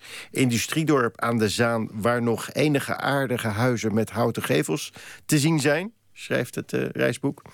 En bij de Julianabrug de zogenaamde Gortershoek. Aan beide zijden staat een molen aan de westkant. En aan de westkant de korenmolen De Dood. En aan de overkant de oliemolen De Ooievaar. En ik zou toch van de luisteraars graag willen horen... die molen De Dood, waarom heet die zo? Waarom, he- waarom heet de molen De Dood? En wat is, eh, als je dat ook weet, wat is een oliemolen? Ik heb geen idee wat een oliemolen is, de ooievaar. Heb jij een idee een oliemolen Nou ja, daar, ehm, Waar oliën gemaald worden. ja, waar noten en zaden gemalen worden en waar olie uitkomt. Oké, nou, dat heb jij dan al nu al, dat weten Ja. we dan nu al. Ja. Maar waarom dat korenmolen de dood heeft, als u het weet, 0800 1101. Suzanne Vega met Luca. Denk ik. Ja. Susan Vega vind ik ook.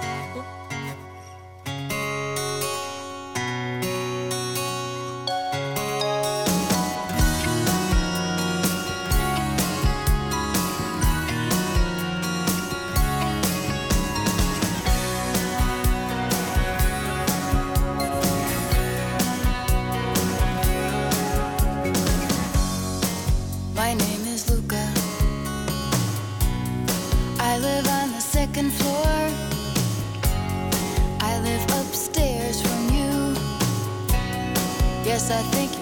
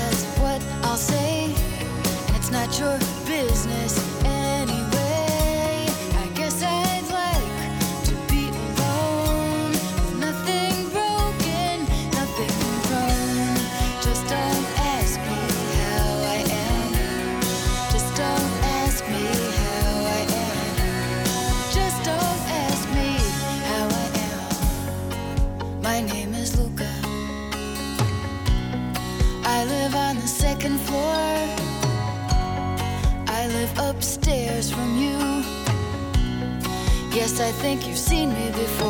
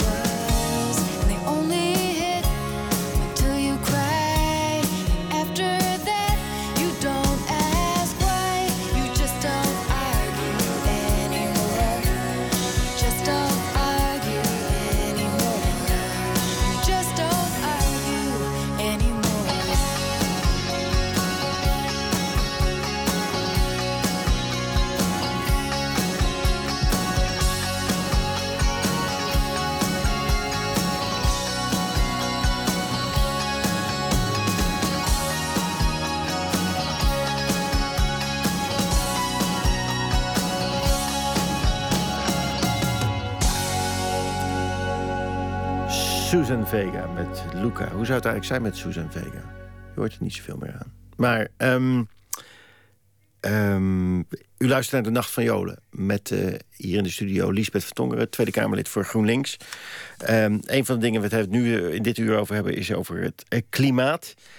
Toon Bos die, reageert en die zegt... ik denk dat Amsterdam over een paar jaar gewoon onder water staat. in ieder geval binnen 15 jaar. Hoe denk jij daarover? Zie je dat ook zo? Nou, ik hoop heel erg van niet. Maar je ziet wel dat met. eh, de- de- we krijgen steeds meer extreem weer. Dat je plotseling heel veel regen krijgt en dan een tijdje niet. En eh, in eh, Engeland, waar ja, toch het dijkonderhoud minder is dan in Nederland, grote problemen. Maar wij hebben hier natuurlijk met de rivieren ook zo onze overstromingen en problemen gehad. En wij hebben in Nederland, in de Randstad, een ringdijk nummer 14. Dat is een, een vrij groot stuk van de Randstad wordt door die dijk beschermd. En ik heb mij laten vertellen in de Kamer, en het stond blijkbaar ook een keer in Vrij Nederland een groot artikel, dat als die dijk een keer doorbreekt, dat dan zo'n stuk van eh, de Randstad onder water komt te staan. Dat wij pompen moeten gaan lenen bij het Duitse leger om dat weer droog te krijgen. Ja, en toen ben ik ook eens op kaarten gaan kijken van nou ja, waar mijn flat staat en eh, waar mijn kind op school zit en zo. En dat staat eh, allemaal inderdaad een eh, flink stuk onder, Ik eens- onder water. Ja, ik heb wel het idee dat buitenlanders, vooral Amerikanen, zijn zich er meer van bewust dat wij onder de zeespiegel leven dan wij zelf. Ja, dat is datzelfde verhaal als eh, die eh, vlak bij die dam wonen. Dus als je. ehm, ik had ook met Amerikanen dus een discussie over dat wij hebben een enorm groot eh, chemisch industrieel complex. Dat vinden ze al heel raar in zo'n dichtbevolkt gebied. En dan ook nog eens 1 à 2 meter onder de zeespiegel.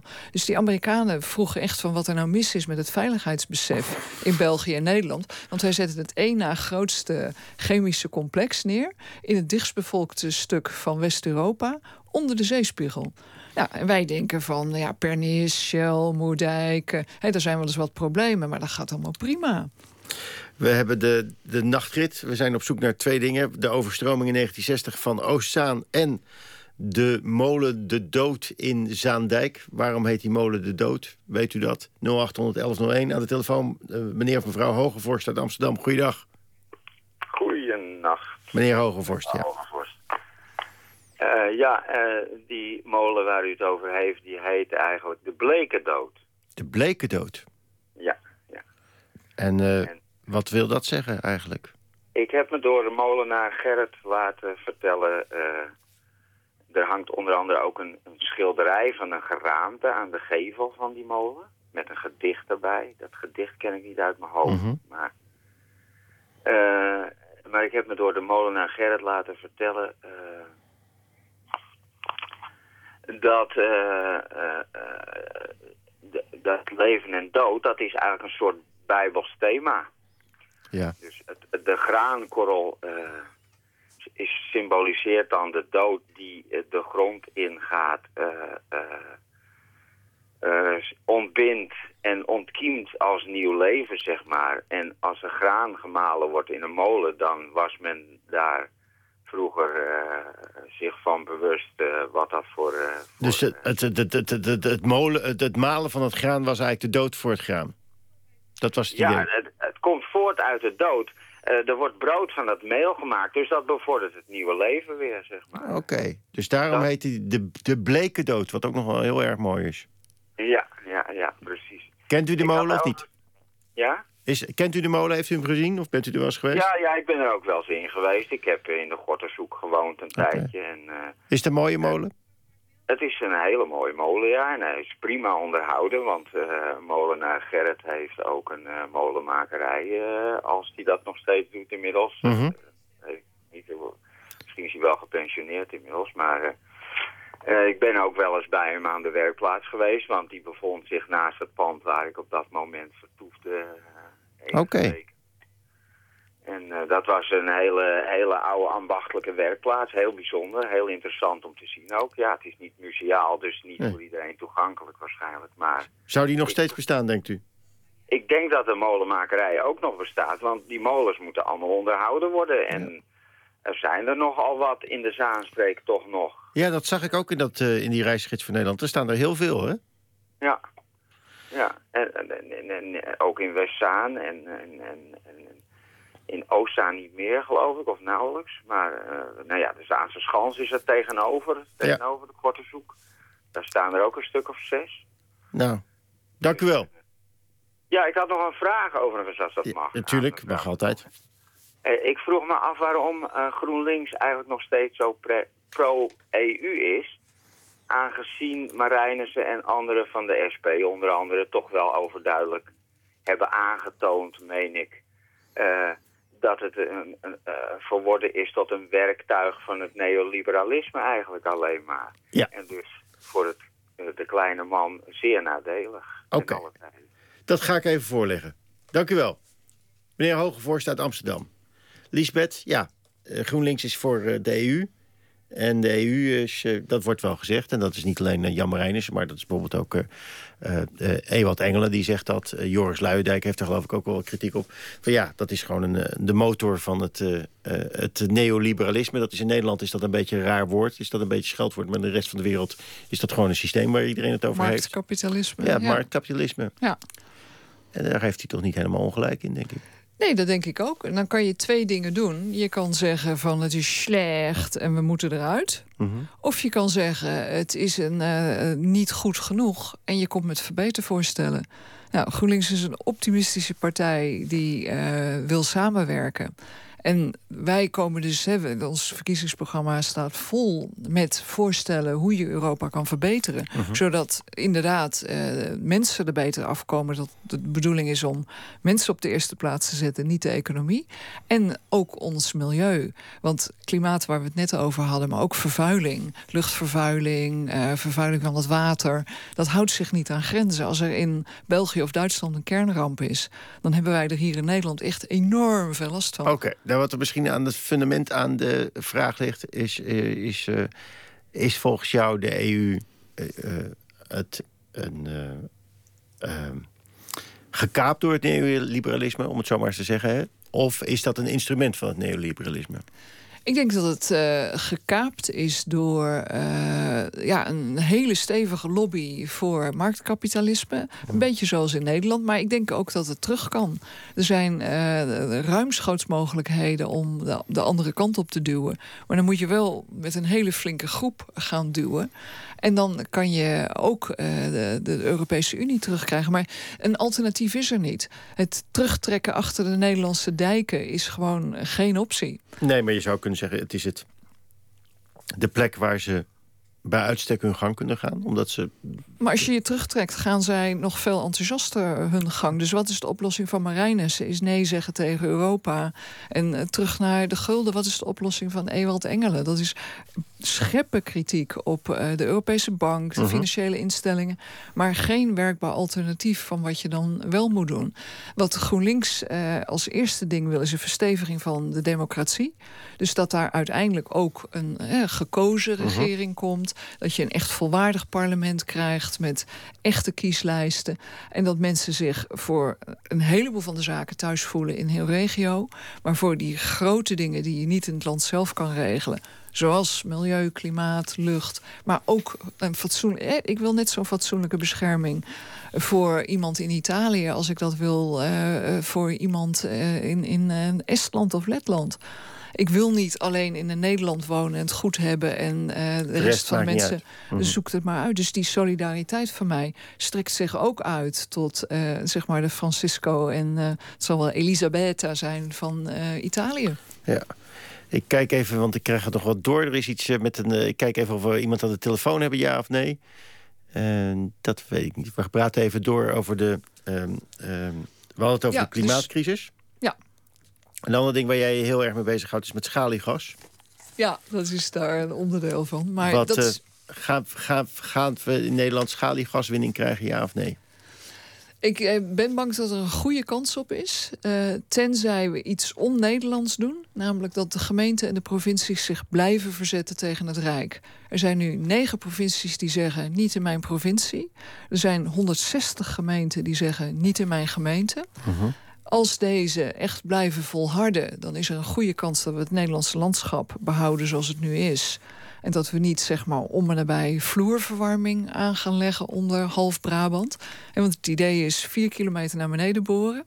En dan in allemaal parallele gangen ehm, ja, explosieven aanbrengen. Scheurtjes heten die, maar die zijn tot 200 meter in die hele ondergrond. En als je op de kaartjes kijkt die Halliburton voor Nederland gemaakt heeft. Halliburton, het grote bedrijf van. eh, wat is het ook weer? De Rumsfeld? olie, ja, Ja. en de olieramp in de Golf van Mexico, Oh, ja. dat bedrijf.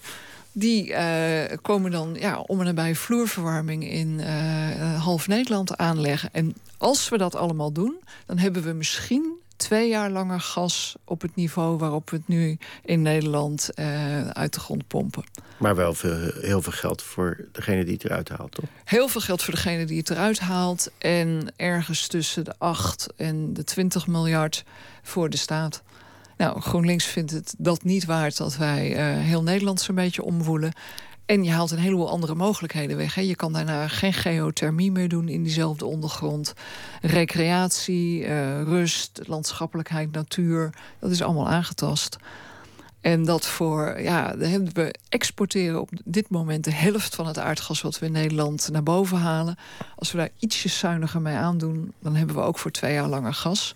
En hebben die Groningers iets minder kans op grote aardbevingen. Toch blijkt dat te gaan gebeuren, dat schaliegas. eh. Die kans is er zeker. en Ja. hoe kan dat dan? Jij zegt van nou, de gemeentes verzetten zich, de provincie verzetten zich. De waterschappen Het is- verzetten, de het- bierbrouwers verzetten Het is zich. geen goed idee. Gewoon los daarvan is het geen goed idee. Ja. Ehm, en toch bestaat de grote kans dat dit gaat gebeuren. Eigenlijk zie je hetzelfde, Hetzelfde waar we het eerder over hadden. Het patroon, eh, de woningcorporaties worden gesloopt. Je weet dat dat geen goed idee is, het gebeurd is. De gezondheidszorg wordt gecommercialiseerd. Ja. Je weet dat het geen goed idee is, toch gebeurt het. Nu schaliegas. Waarom? Nou, met schaliegas dus weer. We zijn er zo goed in. We zijn zo handig in boren. We hebben nou, grote bedrijven die dat vreselijk handig kunnen. En net Mhm. zoals een, een, een timmerman ziet overal een spijker in... ziet eh, het Nederland, een flink stuk van het Nederlandse bedrijfsleven... overal een fossiele mogelijkheid in. En eh, ook hier. Dus het is een beetje zo van... eh, omdat het er is willen we het gaan winnen? Ik heb dat ook aan minister Kamp gevraagd. Van wat, wat, wat is nou... Hè, Mhm. Schaliegas, waar is dat nou een oplossing voor? Ja, en dan komt er een heel vaag verhaal. En dan komt er eigenlijk niet meer dan van ja, het is er. Dus moeten bedrijven, eh, hè, die, die willen Die dat. hebben daar recht op. Ja, die moeten dat dan toch mogen. Dat is eigenlijk het een beetje het verhaal. Als het in Ja. de grond zit, dan heeft iemand daar recht op. Ja, en het is te moeilijk om dan te zeggen: dit eh, laten we aan ons voorbij gaan. En wij kiezen echt voor een, eh, energieomslag zoals eh, Denemarken, China, Texas, eh, Duitsland. Nou ja, in Duitsland hebben ze. De, Duitsland, meer dan de helft wordt nu geloof ik opgewekt door particulieren aan de, de energie. Ja. Ja, en dat vinden de grote bedrijven minder. Ja, is Ja. dat het dan? Nou, dat zit er natuurlijk ook achter. Hè. De bedrijven in Nederland, Brinkhorst D66, heeft toen bedacht... eh, met klimaatverandering wordt het rivierwater vaak te warm... om kolencentrales mee te koelen. Wij hebben zeewater. Wij hebben een niche in de markt. Wij zetten al die kolencentrales op de Maasvlakte. En bij de Eemshaven, die kunnen met zeewater gekoeld worden. En dan gaan wij die stroom aanleveren eh, voor de Duitse industrie. En dan hebben wij een eh, nice little earner. Alle energiebedrijven die zijn eigenlijk hetzelfde ontwikkelplan ingegaan. Die zijn eh, die eh, grote hoeveelheden kolencentrales bijbouwen en ook een aantal nieuwe gascentrales. Wij hadden om en nabij de capaciteit die we nodig hebben. We hebben nu anderhalf keer meer eh, opwekcapaciteit in Nederland dan we nodig hebben. En we zijn nog steeds aan het bijbouwen.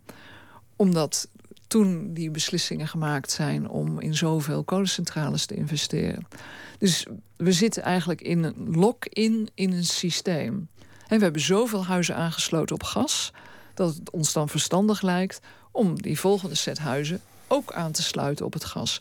En daarom is zo'n omslag voor ons zo vreselijk moeilijk, omdat we zo diep in dat eh, fossiele systeem zitten.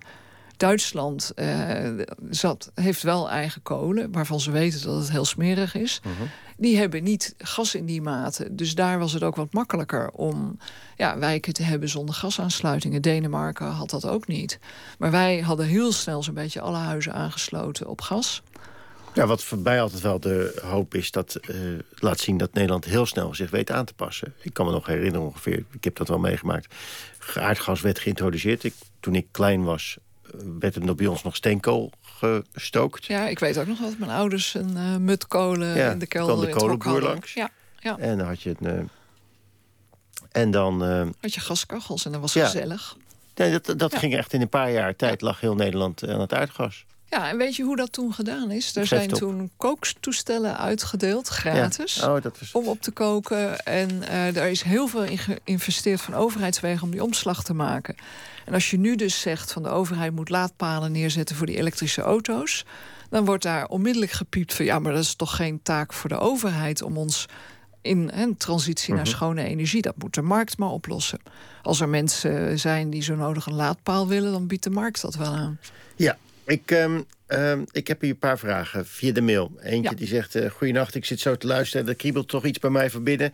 Eh, de, de, de- je hebt dat zinnetje van de armen worden armer... en de rijken worden rijker. Bent u het daarmee eens? Want vaak hoor ik wel dat we zo'n rijk land zijn. Dat zeg jij ook, ook, ook, maar... Dat is voor vele mensen niet meer zo. Vele gezinnen die zitten onder de armoedegrens... en die weten er niet meer uit te komen. Zelf, zelf werk ik bij de voedselbanken... en ik maak scheidende gevallen mee. Wat vindt u daarvan? Wil meneer of mevrouw van der Brink weten. Wat- Ik vind dat eh, mensonterend. Dat mensen gedwongen worden om naar een voedselbank te gaan. Ik vind het hartstikke fijn dat mensen het aanbieden. Want er is echt een, een, een noodzaak toe. Maar ik vind het mensonterend dat wij het zo ingericht hebben. Dat we zo ver ontwikkeld zijn dat we ons land nog niet zo weten in te richten. Dat er voor iedereen gewoon elke dag eh, drie fatsoenlijke maaltijden op tafel kunnen komen. Ik vind dat gewoon. Ik schaam me daar eigenlijk voor dat ik in een land woon. waar we niet al onze mensen gewoon elke dag drie maaltijden kunnen geven. Ja, maar dat is dus wel zo. Als je zegt van we zijn een rijk land. Het is wel zo dat in dat rijke land er een groep mensen is die steeds armer wordt. Ja, dat klopt. Er zijn eh, groepen die het echt eh, vreselijk moeilijk hebben. En gek genoeg ook bij middeninkomens, waar schulden zijn, of waar een huis gekocht is op twee salarissen, of waar opeens eh, ja, de, de kinderen studeren, waar een mate van tegenslag is, die dan opeens ook eh, ja, door hun buffertjes heen zijn.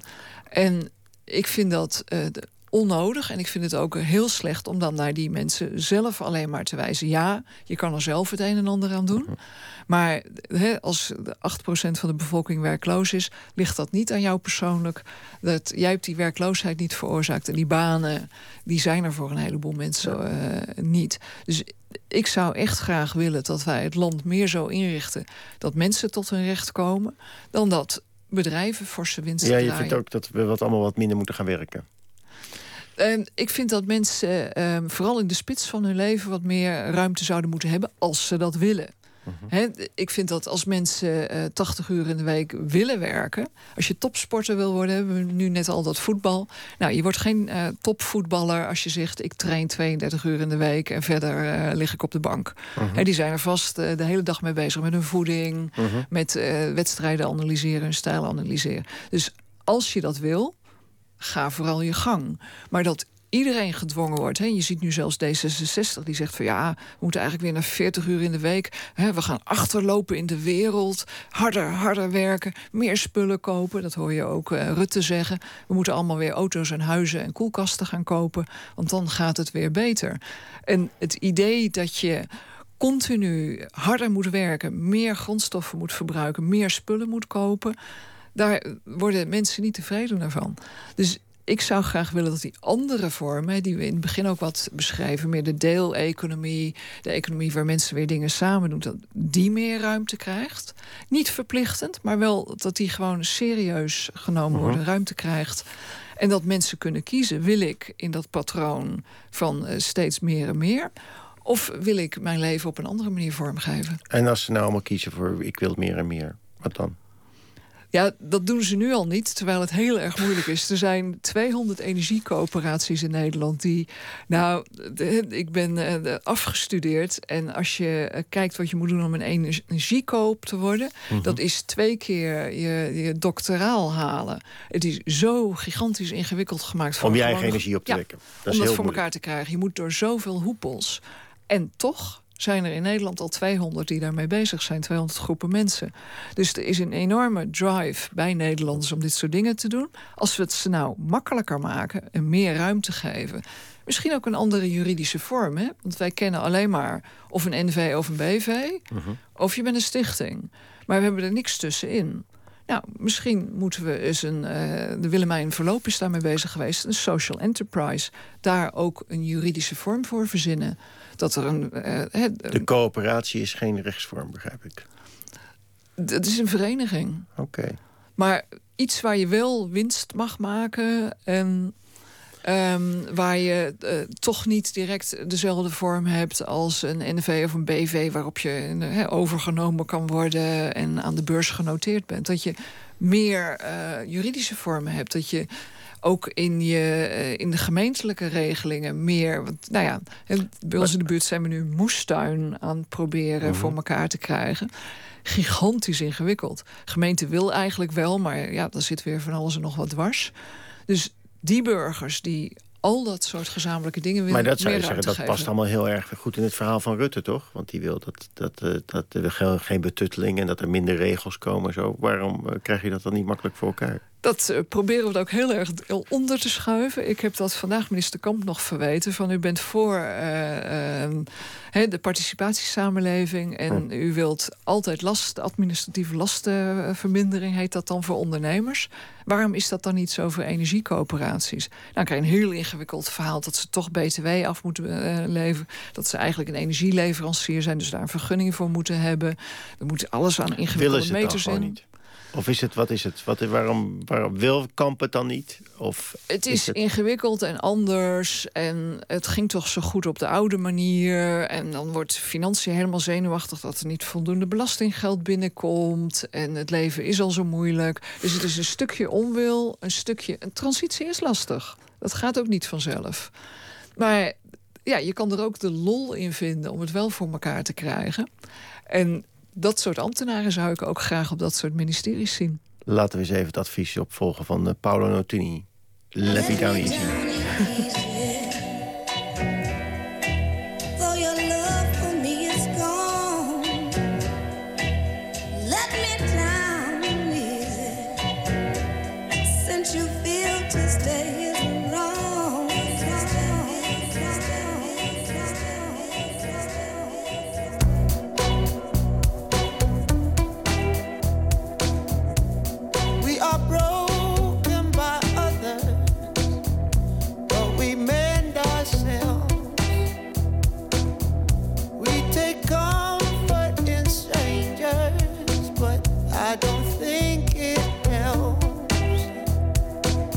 if every fool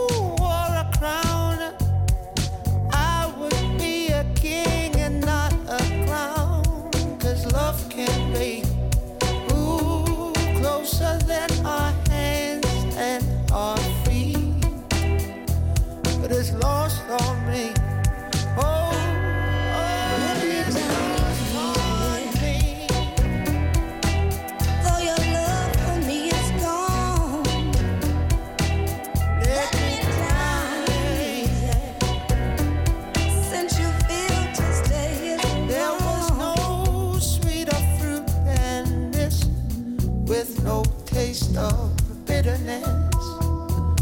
It was so fresh and sweet before, but I can't taste it anymore. Oh, no. I was like a man.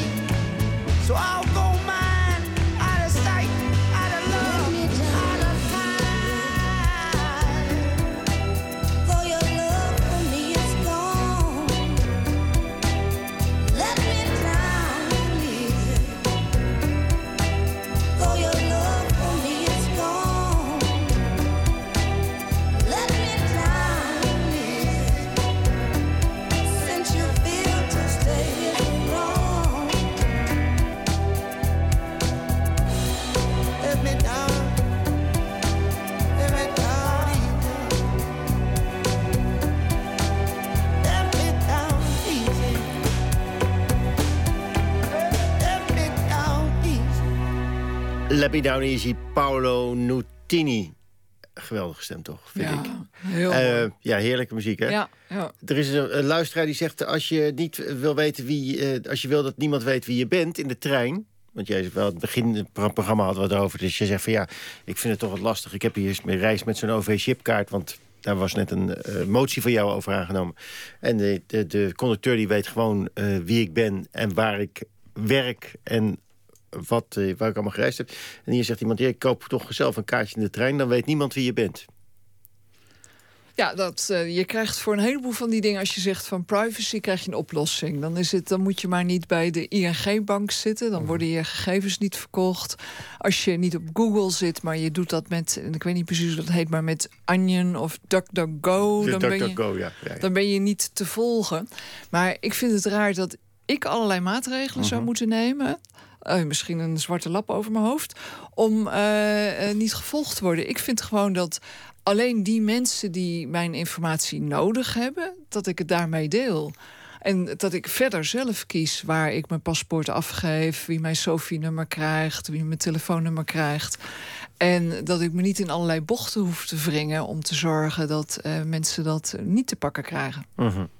Ik heb hier nog een andere reactie. Past een beetje in het schema. Dat je, wat je zou kunnen zien is dat mensen eh, altijd eh, eh, zeer wantrouwig zijn ten opzichte van groene maatregelen. Daar hadden we het in het begin hebben we het eigenlijk in de uitzending ook over gehad. Je kan alles doen, maar zo gauw je dat zegt dat iets groen is, dan moet het, of het nou een windmolen is of wat dan ook. En hier zegt iemand, ja, die laadpalen voor die elektrische auto's door de overheid. Die, zijn, die door de overheid zijn neergezet, die blijken over 15 tot 10 jaar gewoon een faciliteit voor Tesla-rijders.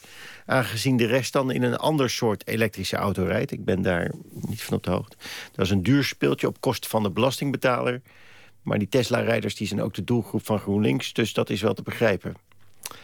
Eh, heb, heb jij enig idee waar hij het over heeft? Dat het niet Nou, zo... je hebt eh, hybride auto's die zowel een benzinemotor hebben als een elektrische motor. En die rijden dan elektrisch als het kan. En hè, als dan eh, de accu leeg is, dan kan je, daar als, kan je hem als benzineauto gebruiken. Maar die zitten op precies dezelfde stroom met precies dezelfde en ik dacht dat. Tesla met een heel ander systeem bezig was. Die, ze zijn toch met die superlaadstation bezig. Ook, Dat ja, je dat echt- het heel snel kan. En een Tesla, Ja. dat is een hele dure auto overigens. Ja, die Dus- zijn echt heel erg duur. Maar je hoeft nooit meer voor de energie te betalen... omdat je bij Tesla alle energie gratis krijgt. Dacht ik dat dat, dat, het idee was. Ze willen superlaadstations maken...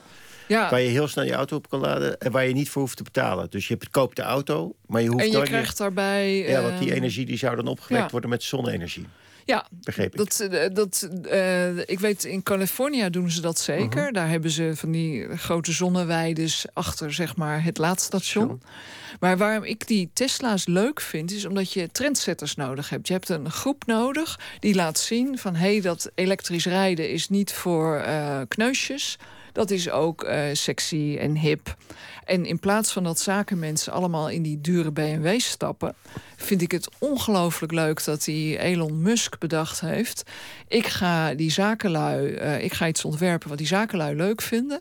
En ik begin bij hun. Ja. Maar er zijn elektrische auto's in alle prijssegmenten. Je hebt de Nissan Leaf. Ik weet eigenlijk helemaal niks van Denk je, auto's. denk maar- je dat Tesla het gaat redden? Want hij heeft een beetje dat systeem. Tenminste, dat is wat ik eruit haal. Hij wil zijn Ja. eigen laadstations hebben. Dat is Ja. al, eh, de oliemaatschappijen worden gek als je dat realiseert. Dan zeggen ze ook, zegt hij ook nog eens een keer... ik ga de energie die je daar nodig hebt gratis geven... want ik ga die ook gratis opwekken. Dus je, je koopt voor veel geld een auto... maar je rijdt daar voor de rest eigenlijk gratis in. Dat is het idee. Daarmee breekt hij de macht van de oliemaatschappijen. Ja, en van eh, alle garagebedrijven. Want volledige elektrische auto's hebben heel weinig bewegende onderdelen. Gaat veel minder stuk. En die komen ook veel minder vaak bij de garage.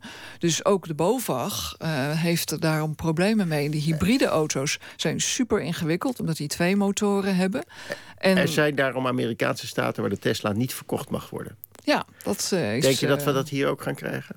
Dat dat geprobeerd gaat worden? Dat hoop ik heel erg eh, van niet. Maar je weet maar nooit. Er is wel heel erg lang eh, geprocedeerd door de benzinestations. Die zeiden van wij moeten ook elektra kunnen leveren. Er mogen geen aparte laadstations komen. Er is nu een uitspraak geweest van de hoogste rechter. Die zegt eh, elektriciteit is geen brandstof. Dus hoeft dat niet per se op de benzinestations. En er zijn nu vergunningen uitgegeven voor eh, laadstations. Maar een Tesla kan in elk stopcontact. Een snellader gaat het hè, veel sneller.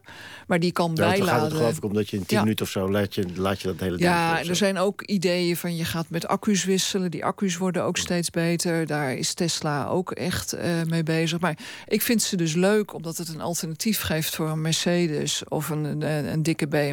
En een radicale benadering is. En een hele radicale benadering. Maar ik vind die andere auto's, eh, ja, die zijn ook eh, prima. Eh, ik, ik, ben niet, ik weet niet zo gek veel van auto's, maar ik heb wel gezegd van GroenLinks moet de autopartij van de toekomst worden. Want onze mobiliteit wordt anders. En wij kunnen daar in Nederland heel veel mee. Want we hebben een Tesla-fabriek zitten in Eindhoven. Wij kunnen bij DAF elektrische vrachtauto's maken die in binnensteden kunnen leveren. Geen luchtverontreiniging, geen lawaai. En wij kunnen in Limburg bij dat VDL ook superzuinige auto's maken. We hebben de kennis, we hebben de kids in de TU, maar we hebben ook eh, de technische mensen worden opgeleid op ehm, de- onze hogescholen. Als we dat nou goed koppelen, kunnen we de Green Car Valley maken in Zuid-Nederland. Gebruiken we onze talenten. We kunnen er in het buitenland aan verdienen. En we kunnen onze eigen luchtvervuiling en het lawaai in de steden kunnen we oplossen. Dus het lijkt mij een fantastische win-win. Ja, maar toch, dat, je zou, ik zou het bijvoorbeeld verwachten van een stad als Amsterdam... dat ze zouden zeggen, wij eisen dat alle taxis elektrisch zijn. Dat lijkt me toch niet zo moeilijk. Amsterdam is met milieuzones bezig, is daar al een heel eind mee. En Amsterdam geeft eh, subsidies op eh, elektrische vrachtauto's. Dus ze zijn die kant wel bezig. Op de taximarkt eh, hebben ze nogal wat problemen. Dus dat zou mooi zijn, maar zover zijn ze nog niet. En met die taxis is het ook nog lastig. Dat die, die lui hebben al moeite met verdiensten. En als ze dan ook nog stil moeten staan om te laden. We hebben e-taxi rijden in Amsterdam. En die hebben echt wel moeite om financieel eh, rond te komen, omdat de taximarkt moeilijk is. Ja, en die auto's moeten toch eh, van tijd tot tijd eh, nog aan de lader. Hoe krijg je mensen in een elektrische auto? Als politiek. Nou, één dus, je moet een groep voortrekkers hebben. Dus eh, wat ze bijvoorbeeld in Noorwegen gedaan hebben... is gezegd, de eerst totdat er zoveel elektrische auto's rondrijden... mogen alle elektrische auto's over de tram- en busbanen. Worden het er te veel, dan moeten ze gewoon eh, de weg op. Dus, je je- krijgt een gratis lokkertje. Je krijgt een voorrecht dat anderen niet hebben. Er zijn ook landen die gezegd hebben... elektrische auto's mogen, totdat we in dit land er zoveel rond hebben rijden... gratis parkeren. Nou, in Nederland is gedacht dat de enige motivatie geld is. Dus mensen hebben eh, verschillende belastingkortingen gekregen. En op een gegeven moment had iemand uitgedokterd... als je een ondernemer bent en je gebruikt alle verschillende mogelijkheden... die maar enigszins mogelijk zijn, maximaal... dan hoefde je nog maar de helft te betalen voor je elektrische auto.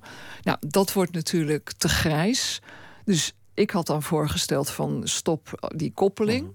En moedig wel aan dat die auto's verkocht worden. Maar pak een van die andere maatregelen erbij die geen geld kosten.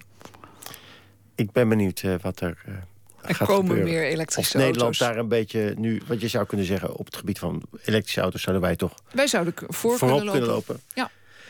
Eh, we zijn bijna aan het einde van het programma. De Nacht van Jolen. Twee uur lang was de gast Liesbeth Vertongeren, Tweede Kamerlid van GroenLinks. Ik was heel erg, ben heel erg blij dat je hier te gast wilde zijn... want je hebt morgen een hele zware dag. Dus morgen is ongeveer de zwaarste dag in de Tweede Kamer. De laatste zo'n beetje, toch? De laatste Het vergadering. is een, een, hele, hele lange dag vooral ook. Ik vind eh, emotionele debatten waar je echt betrokken bent... eh, nog lastiger dan zo'n dag. Want we hebben heel veel korte debatjes, moties indienen.